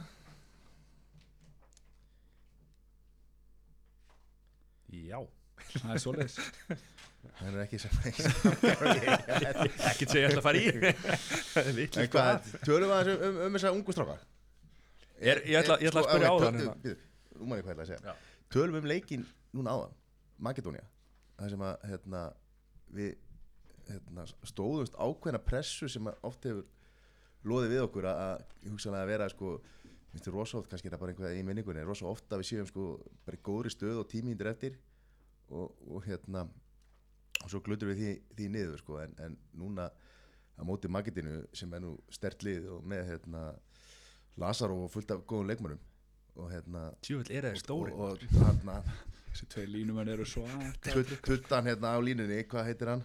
stoflof hann Já, Stoflof hérna að hérna, við stóðum stóra prófið en ég má segja það? Já, við stóðumst að hvað segir maður, undir er pressu. Já, undir press og, og í lokin sko. Við erum náttúrulega, þetta byrjar þannig að, að Makedónin er náttúrulega eins og við byggust við fara í sjö á móti sex þar sem er taka markmannin út og, og spila með þess að tvo einmitt svaka trukka á línni og þurfum þá í kjölfærin alltaf að dettu liti aftar með vörnina sem að sem að við vorum kannski búin að spila liti meira aggressíft á mótinu hinga til sko. Og byrjum ekkit byrjum bara illa. Mm -hmm. Bjöggi í rauninni heldur okkur inni og það er oft þannig þú veist að Bjöggi, það er oft vörninn þarf að koma markmannum í gang. Í dag í rauninu kom markmaðurinn vörninn í gang sko, því að vörninn var frábær í 50 myndur sko. Veist, fyrst í tíu þá var hún kannski ekkit ekkit alveg nógu góð sko. Og þessum Bjöggi ver bara einhverja þrjá-fjóra þrjú-fjóra döðu frá fyrstu tíu myndunum Mm. þannig að þetta var svona ákveðt að vinna okkur inn í þetta og sína ákveðin gæði í því að halda, halda standard og ekki just, haldi okkar konsept og ekki ekki fara örvenda þannig að það sem betur fyrir skila okkur í, í sigri. En Hvaða taktík er þetta að vera að spila með alla, enga markmann og Já, þetta er, þetta er nýtt í, í boltanum. Og hérna uh, eitthvað sem hérna þetta mót hefur kent okkur er að þessi regla eh, hlýtur að fara í endurskoðun. Myndi ég vona. Þetta er alveg drefleðið Já. að horfa á þetta í fyrsta lagi. Og, og svona tekur allan svona sjarman úr hérna úr leiknum. Þetta er bæði í, að, að, spila sók í hérna svona systemi þá ertu sem sagt eh, þá ertu bara með hlutverk eins og miðjumar má helst ekki skjóta í svona þegar spila 7 og 6 út af því að ef það er lélegt skot og, og þá hérna þegar hann og þá eru svona hotnamennir alltaf að skipta fyrir markmannin sem hleypur síðan inn á og, og hérna þess vegna verður þetta að vera allt mjög ígrunda og hlutverkin verður alveg hreinu. Þess vegna er þetta svo hægt og, og svona og, og hérna horfa á þetta sko, veist, þetta er svona bara lapp spila tilbaka út af það má ekki, ekki vera neina tæpar sendingar, það má ekki koma skot upp úr þurru, hægri sagt er svona lítið inn í leiknum og, og hérna og ég bara vil sjá þetta bara beint úr hérna Já, ég- sportinu bara. Og svo þetta, tekur þetta líka öll í notur náttúrulega í einu færri kerf, svona þau eru einu færri í sókn. Og sem minka kannski svona vægi tveggja minna brotti þannig séð. En eins og við sá bara í leiknum og þeir sem hafa hort á makutunni þetta er alveg það leiðilegsta sem maður horfir á. Bara, ég held svona handbóltin hafi þetta aldrei unnið með Ísland eh, vann þetta lið. Bara, bara almennt séð, ég held að ekki margir hafi vilja að fá makutunum áfram en þetta, þessi þjálfari spánveri sko, hann er nú einn af þeim bestu í heiminum er talið sko, þannig að og þeir gerir þetta frábælega þetta, veist, þetta leit mjög vel út. 13-11 í hálfleik og við, þetta var erfitt og Bjöggi var með að halda okkur bara daldið inn í þessu. Þeir spila þetta mjög vel. Það sem er svo mikilvægt einmitt, á móti svona eh, 7 og 6 er að þegar þeir missa boltan að því sé refsað í mark það er tómt markið. Og þá svona fara menna og svo svona á, ákveðnum tímabóti þá hættu þeir sko, bökkuðu bara út. Eða sem sagt fóru bara aftur í 6 og 6 kláruðu ekki leikinn og, og það svona þá, þá var mikið unnið í þessu það myndar á, myndast ákveðin svona einhver pyrringur í þeir eru alltaf að fá einmitt markið í baki og ég held að hvað þrjú af fyrstu fjórum markunum okkur voru, Mhm. voru Arnór með markið bara yfir völlin sko. Og það er svona áttum líka þetta sko mark úr miðju sem sagt, sem sagt já, það verður að taka miðju það var, Já. hérna, og, og, og skorum meðan þeir Já, reyna að skipta sko. akkurat. síndist reyndar Arnór vera að koma svolítið langt fram með sko. ég veit ekki í endur sinni hvort að þetta hefði verið, verið lögulegt en, en er ekki rétt með, byrjaði þetta ekki sko, fyrst er þessi regla kom þá voru menn að nota hana einu færi til þess að reyna að ná hérna, balans þar sko. Jú, en nú eru menn að nota hana bara, já, bara þú veist Já, þetta er, Viltu það er það, bara sko? sumlið sem spila þetta. Og ég menna þú veist það er ekkit, menna, gummi gumm hann getur í rauninni ekki verið eitthvað kvart undan þessu. Hann verður olimpíumeistari með Dani á þessu menn hann spila bara með Danina 7 á móti 6 í leiknum á móti hvað var ekki frakkanir í úrslaleiknum minni það. Og það, úst, ég segi ekki að sé ástæðin fyrir því en hann allan var með króka á móti bragði með því að koma það á móti frökkunum og endar á því að vinna á sem að var búin að vera svona ákveðin svartibiti fyrir þá að, að þeir átti erfileikum með að vinna, Dan, nei, vinna frakkana Daninir þannig að hann kannski getur ekki kvartan undan þessu þannig en auðvitað tempóleysi sem Makedónindi bjóðu upp á er náttúrulega alveg skjálfilegt sko. þeir eru með bara Lazaroff í þessu tilviki hann er eini gæðin sem fær að velja í liðinu, hann hann þess á, er að velja og svo eins og Jói segir, svo er bara miðjumæri að færa þá er hann okkur hér eða tilbaka, veist, þetta er bara já þetta er bara statistar sko. Hérna heima er, er þetta nota eiginlega í tvennum tilgangi svona langmestu leiti. Það er, að spila mútið góðri framliggjandi vörð sem spila framalega svo góðar varnir, Selfoss IBVF og, og svona sem eru svona þekkt fyrir það að um leiðu að setja sjöunda mannin inn á og þá verða liðin að bakka því annars er bara alltaf mikið pláss fyrir aftan og svo ef þú lendir undir að svona brjóta þetta upp og reyna að vinna upp svona forsk og tratt með því 7 og 6 það er svona helsta en auðvitað svona er allar, allur gangur á því. Þetta var náttúrulega þannig að ef markmaður skipti og þá kom maður inn og hann þurfti að vera í vesti sem var alveg eins litin og markmaðsbúningurinn og það var bara hann sem átti skipta út af. Svo var þessi bara breyta, það má bara hver sem er skipta út af, það var svona og það breytti bara leiknum töluvert. Líklegast meir en menn heldu en já, Já, þetta En- gefur einmitt þennan möguleika eins og er einnig heima að, að þú veist, lið sem að er lenda undir geta breytt leiknum algjörlega með því að koma með svona stöður inn í, inn í sóknarleikin hjá sér já, sem að, sem að já En en það við, en tekur þá tennurnar úr. Já, En er við- þetta ekki, ha, er þetta ekki mest pyrrandi sko, mörk að fá á sig þegar markmann er ekki þegar maður er að spila sko, og fær mark í andlitið? Það er ó- óþolandi Þú sko. Veist, þetta er verra heldur hraðablöp og þú veist, já, já, já. en það sem er verst er að þegar einhver skýtur og hittir ekki markið. Já, það er, Já, það, það er það, er, það er miklu Við hefum notað það mikið í, í hættissu í en hitt ekki fyrir að opna marki en já, en þessi leikur var, var náttúrulega bara stóra prófið. Hérna, þetta var svona hinn hin, hinni leikinu voru svona bara kabla próf en þetta var svona samrættu prófi henni í gamla daga, þetta var stærsta prófið og þetta skipti öllu. Og bara gríðalega gott að- að að ná að vinna seiga Makedóna og þetta var eins og segi, þetta var erfiðu leikur. En Já, og eins og segir úst, Aron Pálma var hann ekki bara með tvö mörg held ég að hann verið með. Mm og Bjöggi, ja, Arnór náttúrulega alveg frábær, Frábær. og maðurleiksins og hérna og svo kemur náttúrulega Gísli Þorgir og breytir í rauninni í leiknum sko. Við erum í basli sóknarlega fyrstu 20 22-23 mínunar, svo kemur Gísli inn og hann kemur bara með aðra vitt hann er í, í þessu þessu hlutverki að sækja einn og einn á menn og vinna menn í sig og, og er ótrúlega góður í því að að þið mitt komi árásuna með þeim eina tilgangi að dragi sem mann og spila áfram sko. þannig að hann hann í rauninni kemur okkur á bræði sóknarlega í, í leiknum að því að hann fram að því þá erum við bara í basla móti 5-1 verð Magadóni sko. er Arnór búin að stíga svolítið upp að því að hérna, nú vantaði náttúrulega Guðanval hinum einn er hann að stíga svolítið upp núna og núna allan einn sístu tvo leiki búin að vera al alveg, alveg frábær? Já, eða bara hann er búinn að vera frábær í Þískalandi í, með sínu liði, Bergríser og hérna þeir komu bara einn upp núna þetta árið og eru bara um miðja deild og verið frábærir. Og Arnar bara held ég sé bara með merkæri mönnum hérna í, í Þískalandi og hann er bara að fylgja eftir bara góðu gengi þar og svona náttúrulega hann er hvað nálgast þrítugt, maður fattar það kannski ekki alveg en, 88 mótil já, Já. sé bara orðin já, hann er 87, hann- átt- nei, hann er 88 hann maður finnst alltaf að hann sé svona Hann er bara 87. ungur út hann kom svona kannski seint inn í þetta hann var, hann var alltaf eftir eh, hérna, Þóri og, og þegar Pettur sem var að spila í hotninu og Ásker og svona þannig að og hann er bara búinn að vera frábær. Það er ekki hægt að segja annað og svona kannski ja, besti leikmaður mótsins í okkur þetta verðist vera, ég meina eins og, eins og Þóri tekur seint við eiginlega af Pettersson þegar Pettersson fór kannski, færi sig kannski í skittuna.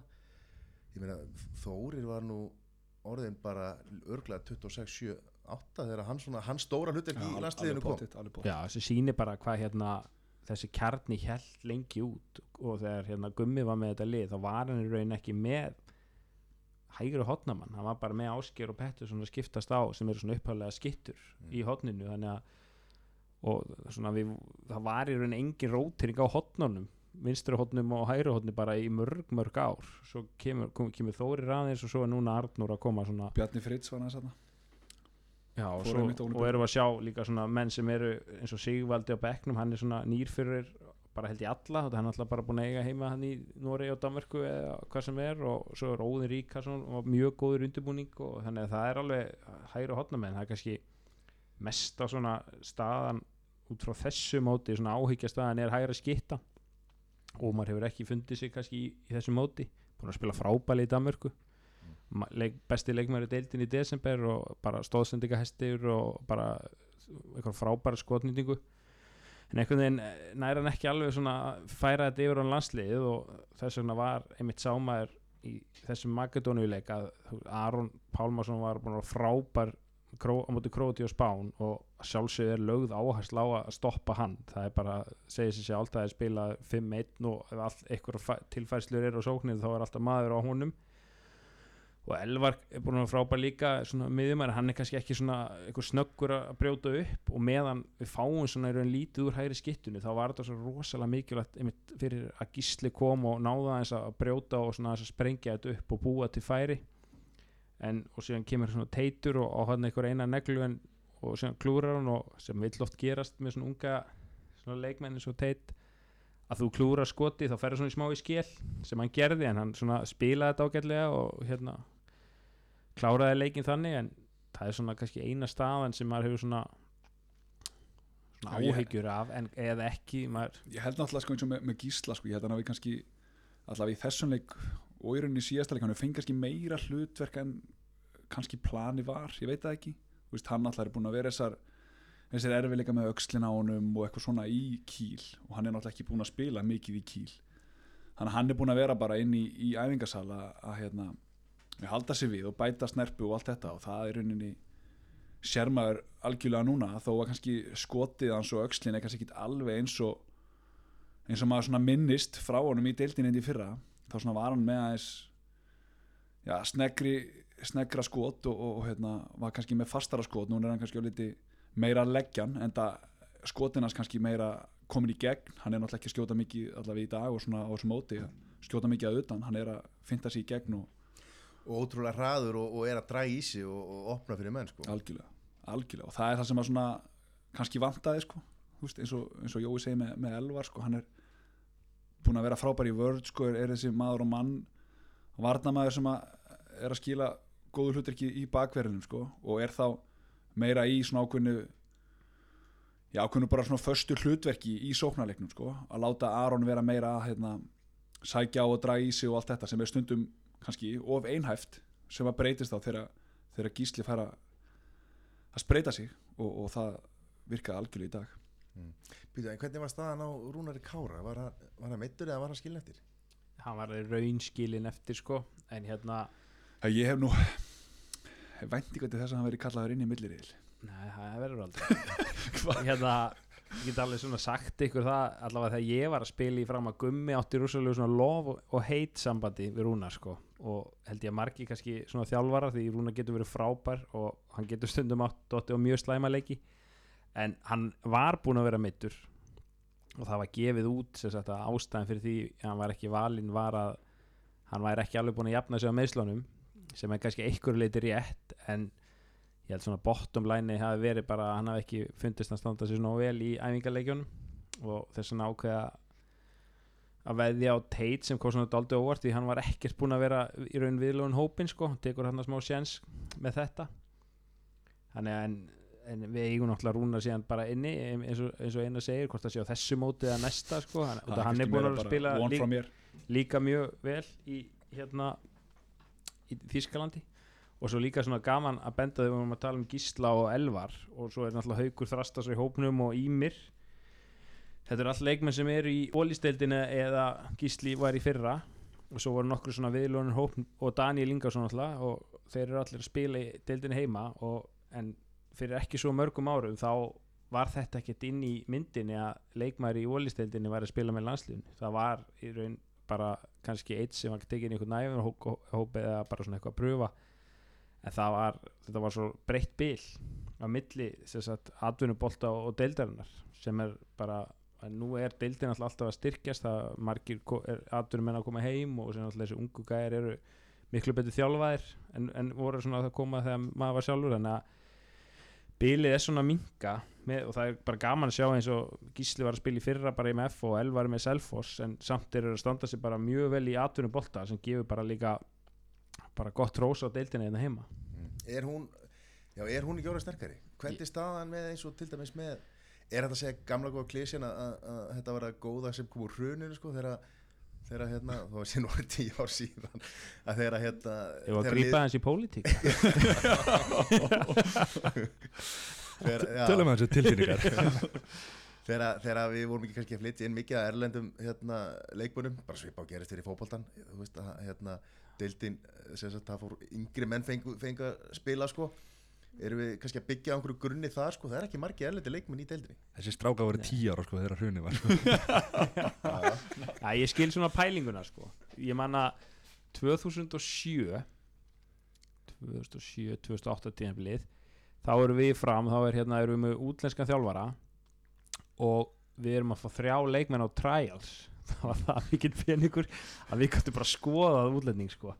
Núna síðan þegar hruni var þá, þá í raun þurftur bara þú varst í miklu vandra en þá fóst í útlending og svo bara held ég ástæðan fyrir það að þessu fáir útlendingar hérna er að allt sem kom var ekkert sérstakt. Veist, þetta var, menn men bara svona veðjuði á ykkur myndbönd og svona kannski, þú fær náttúrulega ekkert stærstu nöfnin hingað, það segir sér sjálft og þetta er svona, er ykkur svona austur Evrópu oft leikmenn sem hafa okkur, ykkur úling, úlingalandsleiki en eitthvað og, og, og í raun er bara og svo kemur bara alltaf í ljósa og það er oft bara, deildin er, er það þokkalega sterk að þeir eru ekkert ykkur ábyrði leikmennina og menn hafa bara ákveðið að svona ég raun veðji á það. En auðvitað kom alltaf upp á milli svona fl- flottir útlendingar eins og hérna Pinnonen kom í, í afturöldingu og, og Djuric sem var hann í val sem skila sínu og svona oft markmenn sem eru svona, að svona sem hafa verið góðir hérna undanfarið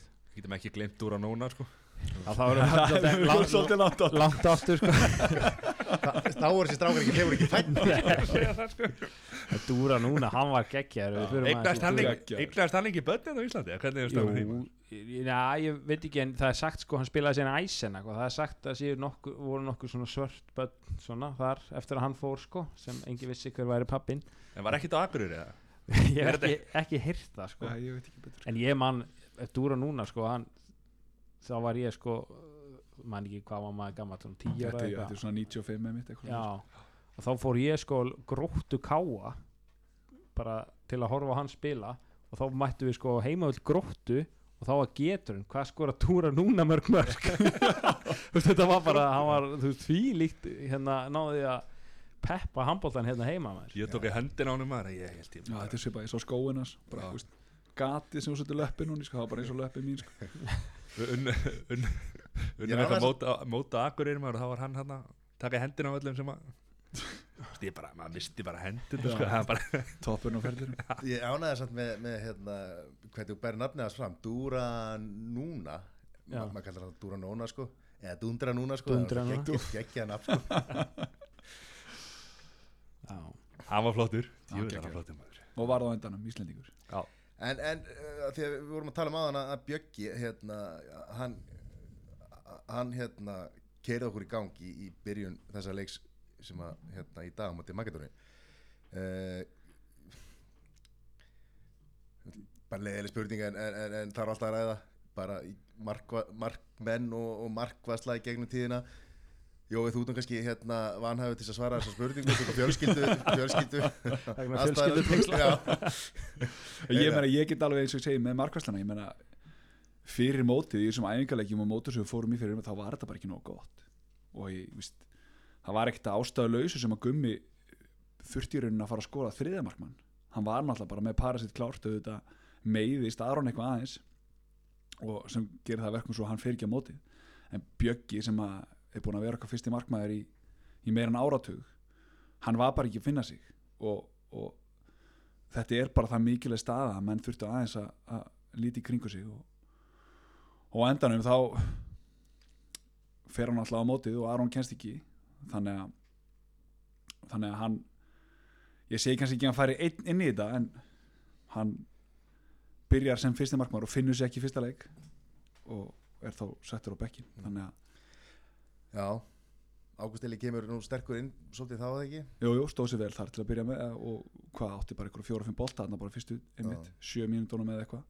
Þetta er svona eins niður, svona eins og eins og já, Bjöggi að gert í leiknum áður þannig að Bjöggi fekk sensin þar og þá kannski svona allan hafi ekki farið eftir hennar fyrsta leika móti króðum, farið upp á herbyggi ég veit ekki hvernig Bjöggi er, sko, hann hugsaður um þetta 24-7 sko.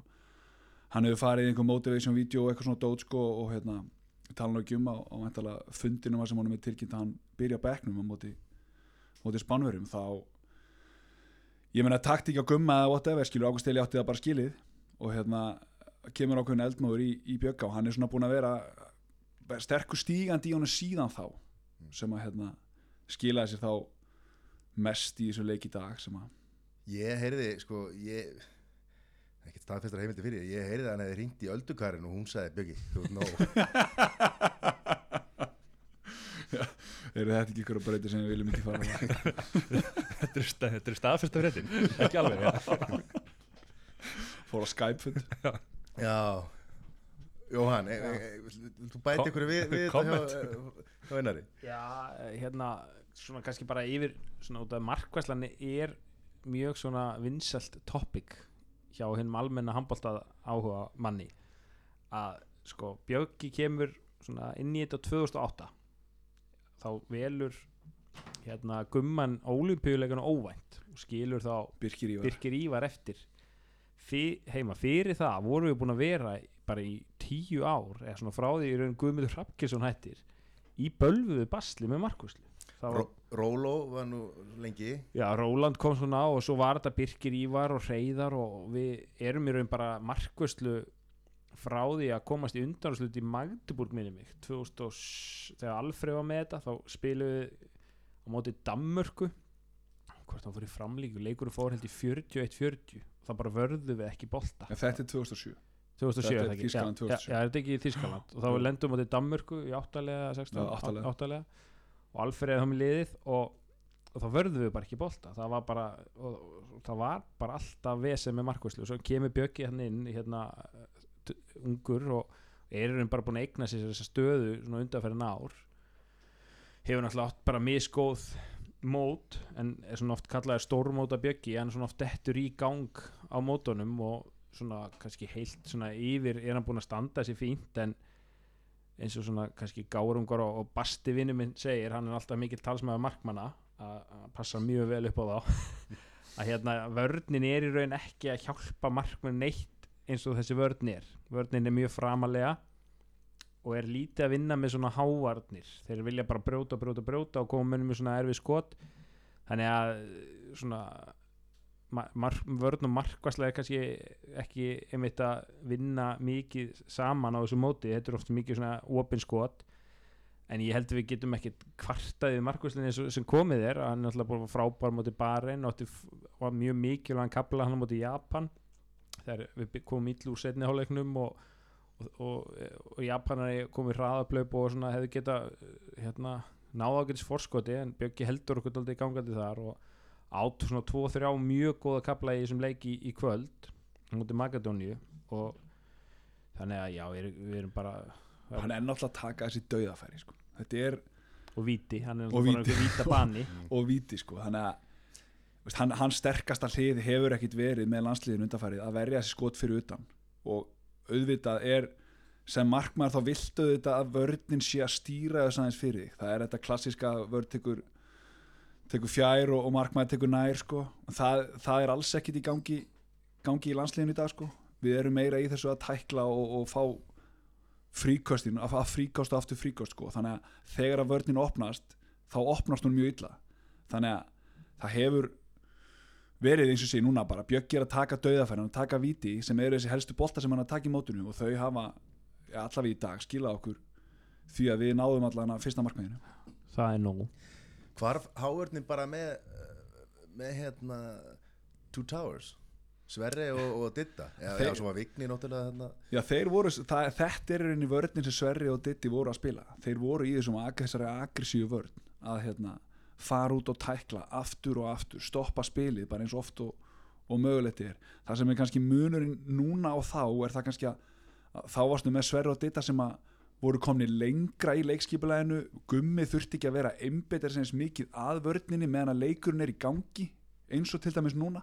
Hann er þarf að vera kannski aðeins meira involveraður í að halda mönnum á tánum og þess að í vörninni sem að kannski Ditti og Sverri voru að stýra sjálfur og þá var Gummi meira að einbetta sér að sóknuleiknum og það, ég tel það eins og það hefur kostað okkur í sóknarleik í þessu móti að Gummi eins og hann var þá var hann bara, hann fekk bara snorra stegin á bekkin í hvert einasta skipti. Þeir fóru bara saman yfir þetta og sett upp næstu sókn.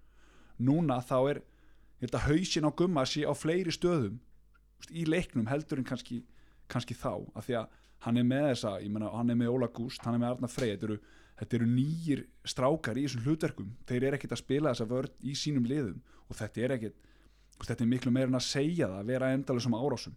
Og auðvitað, auðvitað hefðu þeir geta mætt betur á árásinnar í bæði króutum og spánverðarleiknum við erum að missa allt, allt og mikið sem þristar. En Gummi er búin að taka hennar pólinn. Hann hefur trú á þessari vörð þetta á að vera, vera okkar okkar vörð næstu 2-3 árin í þessari uppbyggingu sem hann er að tala um. Og þá bytnar þetta aðeins á sóknarleiknum að því að gummi er tel ég að einbeita sér meira í leiknum sjálfum að láta vörðina smetla sko. Sem að geðist kannski automatist áður. Já, það má alveg líka segja að hann sé svona fórna ákveðnum svona hlutum í sókn fyrir vörnina. Uh, eins og það var kannski, hann talaði oft um uh, þegar hann velur Stefán Rapt fram við Bjarkamá sem var sem kallaður inn að það var út að hann væri betri vörn.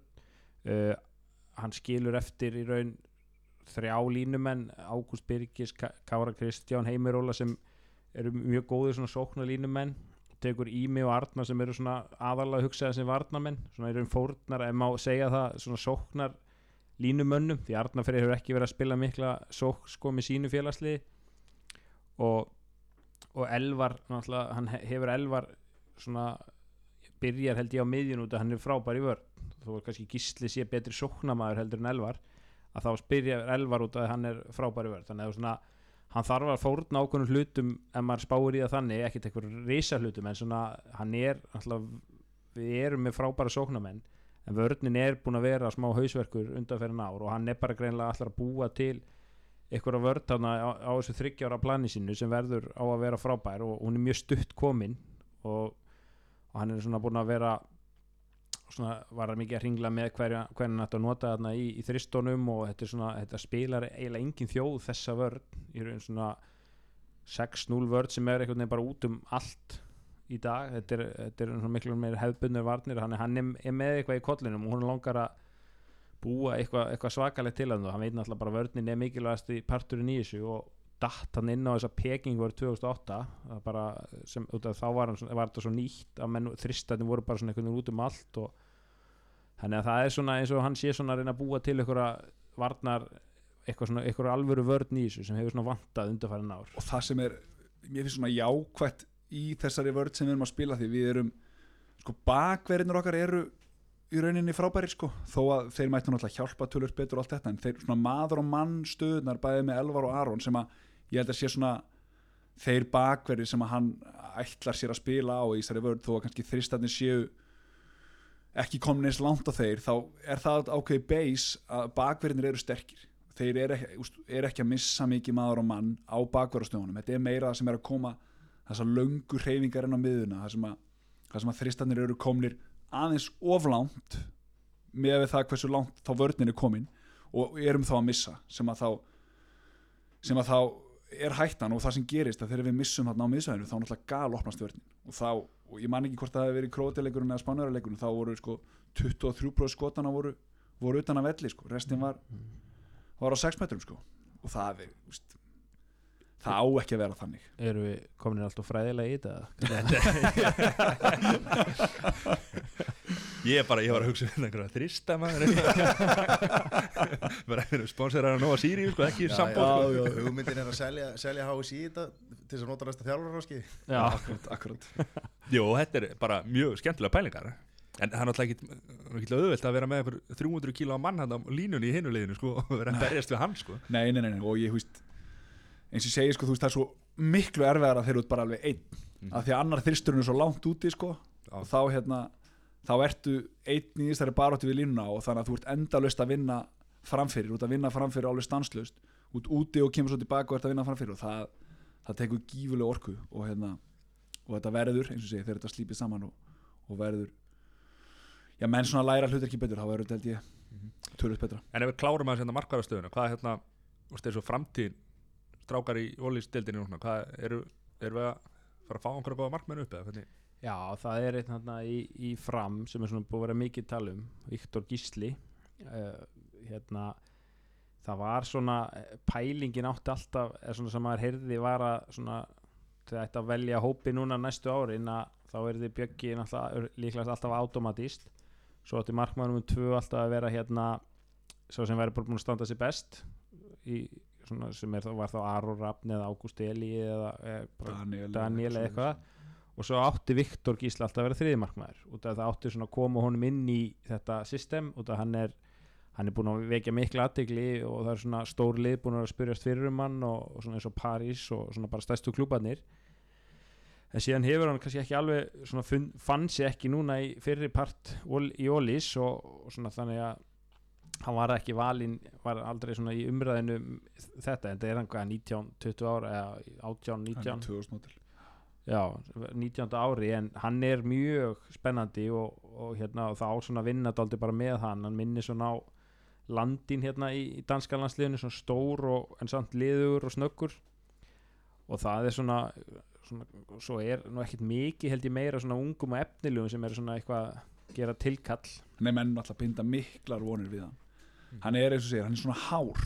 Hann er stór markmaður við höfum alltaf kannski ekki alveg verið með þennan þennan landín draum sko, sem að við horfum í sko, við horfum á Danina með markmann sem ver alltaf 20 bolta sko, og svo sjáum við okkar okkar litla peja sem að sem að hefur allt til þess að bera að taka það skref kannski. Aron Rafn ekki ná, ná því svona nú er hann stór. Já, jú, akkurat. En hann kannski hefur ekki alveg hann var eiginlega eiginlega ofstór Já. hann náði, var eiginlega ofstór fyrir svona liðleika og, og svona en alltaf búin að eiga fína feril segir það ekki já. en og svona flottu markmann hefur kannski ekki alveg tekið þetta kannski svona stökk sem allir er svona margir vonuðust til. Hann hefur alltaf einhvern veginn verið bara annar þriði markmaður. En Arnar Þór, frændi minn, Akuri, hann er nú í Akuri er ekki sátt við hann eh? Arnar Þór Fylkisson. Já, Jú, hann er ekki stór. Bara er- markmaður. Það mun háanum, hann er of lítill en hann er mjög flottur já. Hann er alveg búin að halda einmitt útlending út Mhm. fyrir hóp í Akureyri, hann er bara búin að taka þessa stöðu já, það sem er kannski kostur fyrir kannski ekki alveg hann en jú, að þú veist, það er kannski á setni árum sem, að, sem markmennir eru að toppa, sko, þú toppar tölvöld setni heldur en, Mhm. heldur en sem útileikmaður þannig að það er það er alveg von, sko Mhm. Gekkja Já, eigum við að fara í spá fyrir framhaldi Hva, hvað lend, í hvað sæti endur við? Eh, er þetta ekki rétt nú eins og segi, er, þú veist við spilum þess að þrjá leiki í millirili og svo er svo spilar svo bara spilar við liðið Já. sem lendir í sama sæti og þú í riðlinum nefnum hún færir undarúslit og þá Já. já, við verðum vonandi að spilum nýjunda sæti Ég við ekki vonandi, Jóhann Við eigum að vinna Brasilíu Já, brassarnir eru drullu flottir sko. Það eru öll lið að lenda í ströggli með þá Já, hvað ertu þá að tala um rússana? Nei, rússarnir sátt eftir Ég segi það, þeir lendi vandræðum eru unnu rússana. Já, já. Og, og hérna og stóð alveg í. Jú, en ég sett eins og ég setti ekki kannski kröfur en ég ætlaðist til þess að við myndum vinna Makedóníu þá ætlaðist ég ennþá meira til þess að við vinnum Brassana sko. þannig að ég held að þessi nýjöndarsættis leikur sé, sé það sem við kannski horfum í núna. Auðvitað eins og við vorum að tala um áhanskilur við menn vilja kannski gera eitthvað á móti frökkum og þjóður en, en maður horfir raunsart á, á þá tvo leiki sko, þá, þá eigum við að tapa þeim. Það er bara spurningum að reyna að gera það á réttan hátt og taka sem mikið út úr ef við getum. Já, ég held að topp 10 þá séu allir sáttir. Að, að þá förum við bara mjög sáttir úr sem móti. Samála því, Einar? Já, ég er sammála því. Ég meina top 10 í heiminum í þessum já, þú veist, þessum kynnslóðaskiptum sem er að gerast og, og, og þú veist, að því að það er svo það er svo auðvelt að segja bara við ætlum að vera þarna á hinn sko, núna við erum í álfurinni með stráka sem eru bara fættir þú veist, 99 sko. Bara í álfuru líki hlutverkum sko. Þannig að, þannig að við ég held að við getum verið stoltir af því að ná nýjöndasæti Þessi menn veit ekki eins og hver glókollir er sko. Já, þeir, nei, nei, nei, þeir vita ósköp lítið held ég. Þeir vita Það ekki að Nít- HM 95 Já. 95, já. Eða frissi fríski, glemdi þér að fengi sér eitt sópa því sko. En hvenær er næsta svo stórmót? Er það Evropamótið? á næsta ári. Það er bara, þetta er bara alltaf í janúar. Já, ég ætlaði að spyrja, er þetta á mörg mót, er það mikið álag og þú veist, er þetta, er þetta eins spennandi þegar þetta er, þetta er gott fyrir sko okkur núna að vera með þessi kynnslóðskipti og menn fá að spila hverju ári sko, en svona fyrir handbólta á, þú veist, eins og fótboltar, það er beðið eftir, þú veist, það er að tveggja ára fresti, það er beðið eftir EM og HM og Já, ég sko ég, þetta er ekki náttúrulega sko Al- Alexander Pettersson hann í raun er að spila í, í sko topp klúbbi bara á topp level og er frábær. En til að lengja fyrirlið sinn þá bara hætta með landsliðin og ég held að það eigi eftir að aukast ef þetta heldur svona áfram. Uh, margir þetta er alveg þekkt hjá mörgum hérna var hérna, hvað heitir þetta, Rúits svíin sem var ræn ykkur löfin skittan það er mjög góð leikmaður, hann hætti bara með svíum einmitt út af þessum ástæðum. Þetta er eh, sko, eins og segi, eins og ég margótt tala handbóltin er ekkit frábær í skipulagi og þetta er allt og mikið fyrir að mestradildin er líka rosa mikið að leikjum og, og svo er náttúrulega í deildinni. Uh, hvort að Þetta er samt eftir hvernig þú spyrð sko. Ef þú spyrð gæjana sem eru á öllu mótónum þá er þetta mikið sko. En ef þú spyrð ungur og unga peja sem eru þú veist, veist auðvitað vilja menn sem leikmenn vera á þessum mótum sko. En þetta er kannski ósangjart að vera að spyrja leikmenn sem er konum yfir tíu, yfir tíu mót sko. Þá auðvitað vilja kannski bara vera að spila annarkvært ára og eitthvað svoleið sko. En fyrir okkur Íslendingar sem áhörundu þá held ég að við viljum bara við viljum bara hafa þetta hverju ári held ég þetta er mjög gaman sko, Já, já. en Það brýtur þetta aðeins upp líka fyrir leikmenn sem eru kannski ekki fastamenn í sínu liðum sko, þú veist, eins og Pettersson, þú veist, spilar alltaf leiki ef hann er heitt sko, og þá þarf álæði náttúrulega og hann hefur talað um að gríðalegt álag sko hérna þó að, þó, þó að Guðjánvalur sjáist ekki á Guðjánvali nei, nei. En hvað fá menn langt sumafrí hann í aðdurumennskunni og eða líka bara handbóltar með Íslandi? Þetta er Já, hvað, hjá þeim er náttúrulega það náttúrulega tekur strax við hvað tíu dagar á landslíði þegar, þegar hérna, deildina klárast þarna úti. Þannig að ég held að, að hérna, leikmaður í þýsku búndislíkunni hann er kannski að fá svona þrjár vikur í, í fríið sko Já. en hérna heima þá er þetta þessir klassísku fjóra-fimm vikur Já. og það auðvitað klárast, deildin klárast kannski ölliti fyrr hérna heima og, og hérna byrjar ölliti setna þannig að undirbúðstíðanbelið er Já, það er eins og, eins og hefur kannski breyst, það er þessi stanslösa fysik, þú ert alltaf í, í hérna með prógram og því mér að þú ferð í sumafrí en þú ert samt með, með Excel-skjál með, með æfingunum og, og hvað þú átt að gera sko. þú ferð ekki bara upp í og halda matadág já, bara, já, ég meina maður er lendi öllu eins og öllu maður, heldur betur. Reynir þú Reynisson, var var hann að þjála því í Vikinga? já, já, Hann elskaði það var góða var, var hann að byrja á því þá? Ég veit ekki Já, hvað maður já, ég veit ekki já. hvað maður hefur falsa marga matadagana Alveg. Ég, aldrei, sko, ég bara gleymi ekki, sko, þegar einu sem við vorum að ræða þessa matadág og ég sagði reyni, hvað, en kási já, það er allt í lagi. Bara að tekur skinnið af.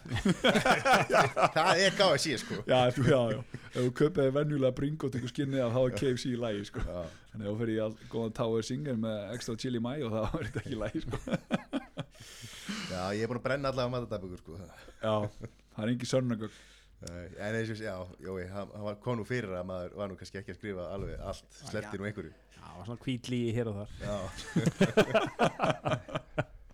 En þegar þú veist í aðdurumennskunni hennar var, var þá, hvernig var hérna æfingarnar og þetta? Var, er þetta sambælilegt á hérna heima eða er þetta Já, þá er alltaf voru þessar þá ertu föstu morgunæðingum þrísari viku, allan að þetta var hjá okkur sko, og svo kvöldin sko. hérna heima er þetta meira að kvöldæðingar eru fastar og svo átt að, átt að reyna að koma svolítið sjálfur þegar þú getur í þessar, þessar styrtaræfingar sem þú þart að vinna með hvort sem það sé sprengja eða, eða eitthvað annað sko, þá þart að finna kannski tíma í, í, í deginum til að til að koma því inn sko, af því það er gríðarlega mikilvægt, náttúrulega líka sérstaklega fyrir unga leikmenn sem að er að byggja sig upp og, og að stækka sko, þá skiptir þetta öllu máli En það er náttúrulega rosa erfitt að vera að vinna með þessu og, og en hérna getur þú færið ekkert borgað hérna he- heima ekki nægilegt til þess að þetta er náttúrulega svona kemst upp í alltaf þennan gamla, gamla góða vana sko. þetta er bara orðið rútína einn, þú ert bara í vinnunni og svo ferðu heim og, og hittir krakkaðin í klukkutíma og fer svo aftur á æfingu og úst, þetta er bara rútínan er svona og, og úst, þú myndir ekki gera þetta nema þér finnir þetta gaman sko, nema þetta myndi gefa þér eitthvað. Þannig að við erum eins og, eins og bara í afturöldingu sko, við erum að, keira þessar 90 mínúna æfingar úti var þetta meira þessi tveir tímar. Veist, hverju skilar það þetta snýst bara utan það að hérna, gera réttu hlutina og, og gera þá vel þegar, þegar þú ert á gólfinu. Þannig að ég held að, að það skipti litlu sko, en, en auðvitað er þetta auðvitað er þetta viðvera. Og kannski, já, fjölskyldulífið og þú þekkja kannski manna best að það getur verið svolítið erfitt að púsla þessu öllu saman. Já, maður þarf að góða að. Já, það er já, allavega í okkar eða mínu tilviki á mínu heimili sko, þá, þá væri þetta ekki hægt nema góðar personapýr væru aðgengilegar en jói, mennskan, Sáta Arabía, hvernig er tímabilið þar? Þekki ég ekki alveg en ég, svona, ég held að þessi lítill áhug fyrir því. Það er, allavega, það er ekki minni menn en Óli Stef sem mættu þarna til. Já, Já, Östurlandi þetta- fjær í, í, Þetta var heldur í magna peningana. heldur magna sko að þetta var sem sagt hérna, Champions League í miða Östurlöndum þannig að þetta var Bahrein, Íran, Írak. Og það mátti vera með tvo útlendinga í þessu móti. Og þetta var allt svona leikmenn sem voru komni svona yfir sitt besta en voru eitthvað nöfn og voru þarna kassa inn. Og þetta var svona skemmtilegt, þetta var alltaf pör eitt lifa með eitthvað gæja frá sögu kóru svo var eitt lið meðal annars með Tite Kalantatsi þeir sem muni eftir honum hérna, georgísku skittuna og svo voru svona Joel Abati var hann, hann var færtur og, og þetta var svona þetta var alltaf skröðlegt og svo hérna lendum við í við erum, eh, spilum við lið frá Saudi Arabi og lendum í svona vafasumum leik í dómgæslu. Nú er ekki að segja þetta að ég sé eitthvað bitur að hafa tapað. Mér er alveg sama sko þetta var svona nokkuð augljóst og það var eitthvað maðkur í misunni sko. Það var maður svona ég segi eitthvað við Danna hann í miður leik Danni, ég held að það sé búið að borga hérna dómarunum og eitthvað og svo heldur þetta áfram eitthvað algjört fjesko og Danni þegar þú gengur svo langt þú veist hann tekur hérna peningamerkjum í puttunum sko og eitthvað svona er alveg þú veist. Og svo töpum við þessu leik, þetta var móti Íra hann var miklu á í riðlinu nokkuð samfærandi og svo töpum við móti um í útslagkjandinni og við svona, þeim var eitthvað þeim alveg sama leikmönunum sko. Og við eitthvað, eru ekkert fúlir? Eitthvað svona. Það er, nei, þetta er alltaf svona, það er alltaf eitt lið sem borgar sig í úrslitum. þannig að þetta var nú ekki merkilega en það. Þannig að þetta var svona ágæts lífsreynsla. Þetta var ágætlega borga svona með við viðveru en þetta var mjög steikt. Við vorum hann í þrjár vikur og vorum bara eiginlega upp á hótelherbyggi. Það var eitt leikur og svo við vorum ekkert eitthvað rölda hann um Jórdaníu sko, við vorum bara ykkur staðar. Það var ekkert eitthvað skoðun að leiða okkur mikið og þannig að maður kláraði ansi marga serjur þarna og þetta var svona lífsreynsla, ég segi það ekki. Þetta við, við mætum þarna um kvöldið, förum á fund með þjálfvaranum þegar við lendum einhverjum svona videofund sem hann er útskýrið eitthvað, hann er var frá allsýr manni. Svo bara leiku daginn eftir og við bara báðir í byrjunarlið það þannig að þetta var, þetta var mjög skrítin En ég verð að segja að það er ákveðið vombrið að, að þú búin að vera þarna og spila við bara einu og svona. Mm. að þú, sko, og það er búið að vera lítil virkni á Twitter hjá þér í- á meðan að mótinu. Sko að þú hefur ekki komið með ba bara ein brandaran eins og Twitter hérna, Já, ég- krakkarnir voru að nota. Já, þegar ég, ég hérna ég hef ekki verið nú öflur á Twitter í, í, í, hérna, í kringum landslega en ég hef aldrei tekið þátt í þessu bara einn ekki, ekki, nema, ekki nema hann hefði verið fyrstur. Já, maður þarf að vera fyrstur sko, annars sleppir maður, því. það er dálítið þannig. Og ég hef ekki tekið neitt öldukarinn brandara heldur sko. Ég tek aldrei þátt í þessum hæpum. Ég reyna að fara mína eigin leiðir sko. Sjálfstæðar og frumstæðar. Mm. en hérna, tvent svona svona í lógin sko. Eða ég var ekki búin að fylgjast mig, hvernig eru einhverjir norðurkóruðum en búin að fá að spila með þessu sameiginlega liði? það er einn í hóp sko Þeir þurfti að taka fjóra allan að allan að vera í kringu liði sko Já, er Þeir það? fengi einhverju Já, undan þá, þeir- máttu vera með já. 28 sko Já, þeir eru Já. meðalega bara 20-25 eða eitthvað sem eru með þeim sko. Já, meðan við tökum 17 þá eru þeir bara með Já, ég held að það veri einn í hóp í fyrsta leik sem við spiluðum Já, já. en Leta sér svo bara hverfa eða hvað? ég veit ekki, ekki, ég sé hann hef ég ekki fylgst með Það þeim er sko. alveg 100 Hann mjög bara hann mætir sko. ekki aftur sko. Já, það er skemmtilegt að lið megi bara svona saminast fyrir mót, það Það er svolítið handbóltalegt en, en svona í lokið, þá vil ég fá hérna, uppáhalds erlenda leikmann á Íslandi frá upphafi. Það er það bannað að segja Dúnar hann er Já, enda myndi ég aldrei velja hann. Ég myndi velja og vel Gintaras miðjumæður afturöldingar 1999 Já. Það var- frábær, það Gintaras og Gintas já þeir voru tveir. Komu tveir í, í glæsilegri kipu Gintaras náttúrulega algjört nöyt í vörn og Gintaras hausinn í hérna já, á miðjunni með hérna Bjarka sig og Einagunnar sig og svona, og svona legend við hliðina sér. Og það er gaman að segja fyrir því að hann þjálfar Cox í Finnlandi núna og er bara að gera glæsilega hluti sko.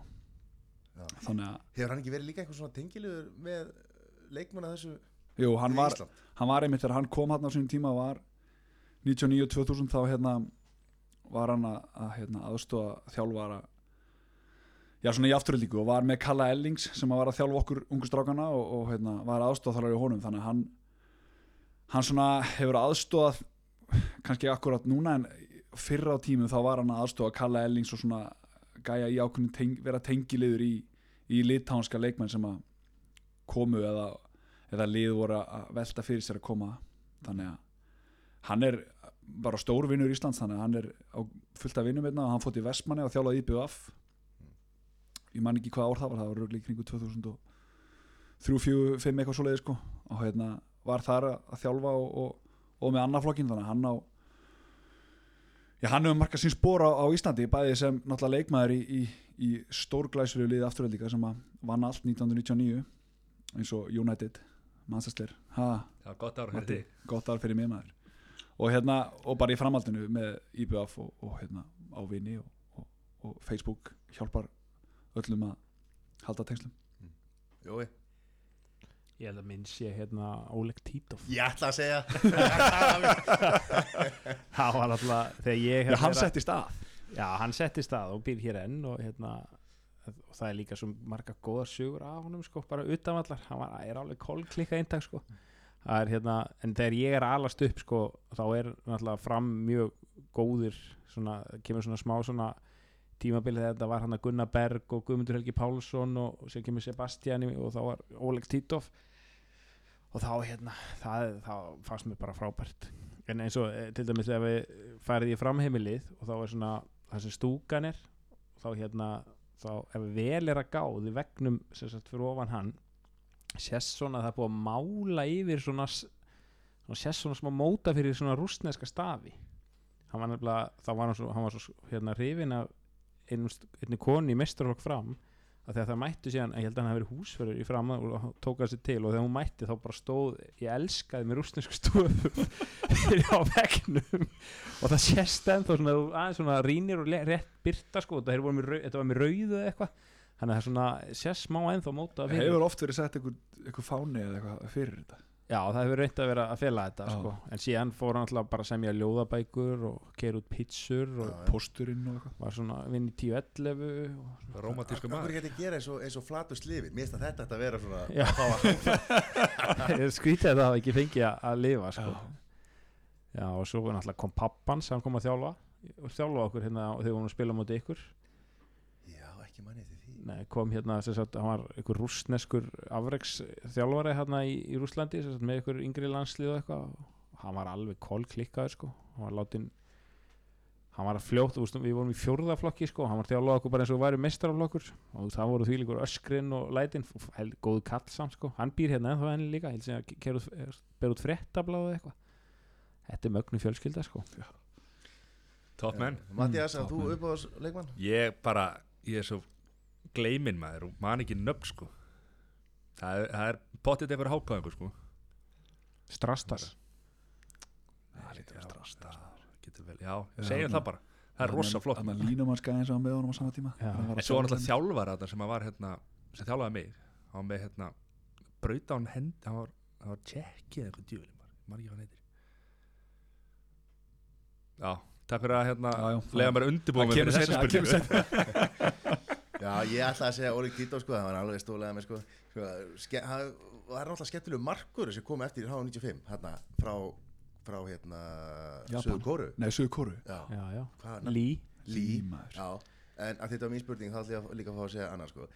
Uh, Ég ætla að segja, ég ætla að segja Róland Ratse Sérstaklega sögunda þegar maður heyrði sko þegar hann var að fá sér smugu í, í, í háluleik inn í klefa.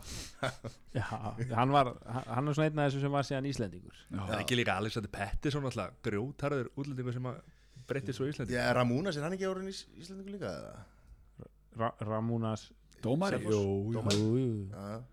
Og Soltan Belloni minn ekki eftir já, honum. Já, já, já, aðeinslur Soltan Bræi Belloni. Hann var sem sagt- Það var reglan þegar þú varst að taka Íslands nafn. já, var að taka íslensnafn og hann sem sagt bjó Róland Valur er að sé. Hann bjó í eigum og, og hérna þá kom ykkur bífilega virki bífilega verstaði bar, Braga sagði ég skal borga 20 og þú tekur Bræi og hann, já, já, ég skal gera Ég held að ég, ge- ég ger svo frægur að spila utandeildarleik með honum sko. já, Ég- Ég- ég- Hann var í fram hann væri fram svona í sínu lok sínu ferli alltaf segur sko. Já, já. Já. Og Loka, loka, loka spurninga hérna, eða allan hérna, hvenar þetta lið sem við erum með núna hvað, verðum við eða olífíumeistarar eða Nei, ég held nú ekki. Mér fannst svona, það var heldur gott viðtal við Dag Sigursson sem svona var svona, búið svo mikið svona hæp hjá okkur í þetta kringum þetta. Hann orðaði þetta ágætlega hann sagði að það er mjög mikið efnilegu leikmennum annarstaðar í öðru löndum líka sko. Það er ekki þessi bara gerast í okkur þetta er svona augljóst. Við höldum alltaf að tíminn frjós í staðan Já, við svona bara, þegar þeir eru orðinu góðir og þá er ekkert gæst við hinu liðanum miðan en við svona vonumst til að komast í þessi topp 8 aftur, svona þennan hóp eins og staðinni núna er, er þessi stóru lið eh, svona eh, varnarleikurinn okkar eh, þe- þessi stóru lið eiga dá, svona auðvelt með að komast í gegnum þetta. Þetta er ekki svona, allavega þessi, þessi tveir leikir mútið Króut og Spánverjum svona síndu það og við erum svona daldið á eftir og við, erum, við erum tölvert og eftir Við þessum viljum bara komast þannig að, að, að, veist, Ísland, Þískaland verði bara tvísýnt Mm. Núna er þetta bara, þú veist, við eigum eiginlega ekki sjans Við vitum það, við erum út lið við viljum komast á þann stað að, séum allir leiki séu möguleikar Það sé ekki tala um að fyrirfram er makadunni úrslitaleikur Þannig að þú veist, þetta er þrjú ári þessu reyli Þá verður þetta bara vonandi að vera með 2-4 stig í millireyli sko. og það er þetta þarna að ná topp 7 á HM þá er þá opnast þessi möguleiki til að komast á olimpíuleika sko. og það er held ég svona sá staður sem að ja, við viljum komast á aftur Já, við, var náttúrulega sko, Peking og, og, og síðan bara gengi þegar Óli Steff og, og, hérna, og þessi, þessi kynslu sem að spilaði sér lengur eftir að hann hætti sko, þú veist, við vorum, við vorum að komast í topp fjóra og, og hérna og, og, nú og menn voru bara fúlir sko. Nú líðum við svolítið eins og að því ég nú mannst svona einn maður sko ef við erum í topp 8 þá erum við bara helviti Já, í sko 2012 þá, þú veist, hvað, töfum átt ungverum í, í hérna, áttalega í framleggingu Einu vítakasti frá undanúrslitum frá undanústum og þá, þú veist, ef þú spyrir Óla Stef, sko, þá fannst hann, það var liðið sem átt að vinna, sko. Þannig að við vorum helvíti nálægt í þá og við erum helvíti langt frá því núna að komast þar sem við vorum, sko. Þá vorum við bara með heimsklassa leikmenn í öllum stöðum og stórglæsilega leikmenn að bakka það upp, sko. Þannig að við við erum auðvitað bjarsinir, við, við sjáum ákveð, ákveð form sem að strákarnir eru að, að hérna, mótast í og hvert það leiður okkur við þurfum að sjá bara sko. Auðvitað þurfum við að fá fleiri menni í, í gæðafloknum eins og Aron Pálma og, og þá kannski getum við fara að láta okkur dreyma ennþá starra en ég meina það er komið plan frá þjálfaranum og, og það er efnið við þarna og það er bara að sjá hvað það gerir. Sem Gummi er frábær í er einmitt þetta að, að tala svona til fólks. Það, sem hann segir að, að fólk trúir því sko. Veist, og hann, hann hefur veist, þegar Aron var með liðið og Geir, Geir var í raun líka í svona ákveðum kynslaskiptum en hann fekk, veist, það var bara ef, hann, ef þeir stóðu sér illa þá fekk hann bara hraun og liðið og það var bara hraunað. En út af því Gummi er svo góður í, í svona, veist, að tala og svona plana, þá bara, já, þryggjaru plan. Þetta er bara, við höfum ekki stress núna. Gummi líka búin að sanna að- annar staðar. Vænt, ha, Gummi líka búin að sanna sig annar staðar að, að já, já, hann er náttúrulega með reputation en væntingastjórnum mitt, hann er frábær í henni en það bara viðtal við hann á móti barinn, þetta verður hörkuleik þetta er bara tvísýtt hann næri einhvern veginn rosalegri væntingastjórn. Já, svo koma svona leikir eins og móti japanska sem við erum bara umulegir og úst, rétt merjum leikin ég er búin að segja ykkur þetta, ég segi Já, ykkur þetta það er ekkit gefins í þessu bolt þannig að þú veist, allir eru bara, já, hann er búin að segja ykkur þetta. Svo náttúrulega sefur hann ekki neitt yfir allt móti sko bara já, hann var óvennu þreyttur hún í dag fannst mér. ég get sagt óvenju ykkur snemma í ég mótinu. held að Gunni Max sofið ekki neitt. Nei, veist, það, hann klippir þetta allt Já, og nú var sko Einar Andri, þjálfur afturlíkar hann var þess að kallaður út núna og er úti núna með þeim í, í þessu klippidóti svo, já, svo að Gummi fá svo eitthvað og, og, og kannski skiptast bara á og er Gunni fá. Gunni fá að loka augunum Já. Akkur er okkur bestu menn mennir bak við hérna körbáltakvöld og sendivilgjur Akkur er þeir ekki að klippa þetta já, það er mjög góð spurning sko. þeir eru bara í stúkunni eða ekki nei, Myndu gleyma að þeir klippa bara fyndaðatrið Hættu þessu, hættu þessu já, eftir, já. Já, ég held að sé meira kannski leikreiningar vinnan sem að sem að þeir eru í hérna aðstofar þjálfvararnir klippi dótið gerur svolítið sjálft í dag. Já, og hérna Gísti Þorger verður hann okkar næsti? Hann er núna held ég, hann er fættur 99 kominn núna og er að setja svolítið marksett á þetta mót. Er hann okkar næsti Aron Pálmarsson sem að koma á svipum tíma, svipum aldri? Já, ekki spurning sko. Hann er tölvört öðruvísi en ég held að það verði langt ákvæð til hann er náttúrulega ekki alveg eins góður og Aron var sko og er hann er meiri þessi svona kontakt Já, sko. svona það sem Aron hafði er, þú veist, Aron er góður öllu sko. hann er góður að skjóta, góður í vörn góður að spila, Gísli er svona aðeins svona sérhæðri leikmaður hann er ekki mikill varnamaður ekki mikill skotmaður en hann er frábær að stýra leiknum og frábær að sprengja upp en svona eins og staðan er núna þá er, þá er hann svona líklega svona framtíðar miðjumæður en það er eftir að segja, hann er alltaf eitt sem er utan hóp Hauku Þrastason sem er 17 ára sko sem bara eins og er búið í fréttum að stórliðin eru bara að bítast eftir honum. Þegar hann verður aðeins eldri, hvernig verður hann þá sko? Þetta er, við erum í góðu málum hann í miðjustöðunni.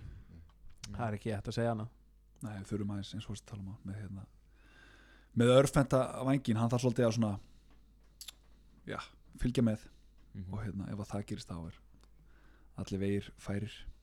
Framtíðin björn við tökum ykkur bara kjallaði fyrir, fyrir komuna. Eitthvað sem liggur ykkur á, vilji, er eitthvað sem þið vilji bara Nei. svo, eitthvað svona almennt eða? Já. Bara, Tala um tilfinningar eða eitthvað bara ekkert svona í fljótu Nei, bara ég ég er búið að ræða eitthvað brakkamáli hérna. Var ekki skaupið fínt og svona? Skaupi, skaupi gott. En þetta er stórglæslega aðstæðana hjá okkur. Já, þetta er nýja ástæð, þetta er fyrsti þátturinn í þessari, við erum eftir að gera hellinga þetta en, en þetta lofa góðu og bara til hafingi með að vera fyrstir í, í, í nýja aðstöður Ta- takk fyrir það. Takk fyrir það. Og vegningu vel í framtíðinni Sumulegis Takk Takk fyrir okkur. Takk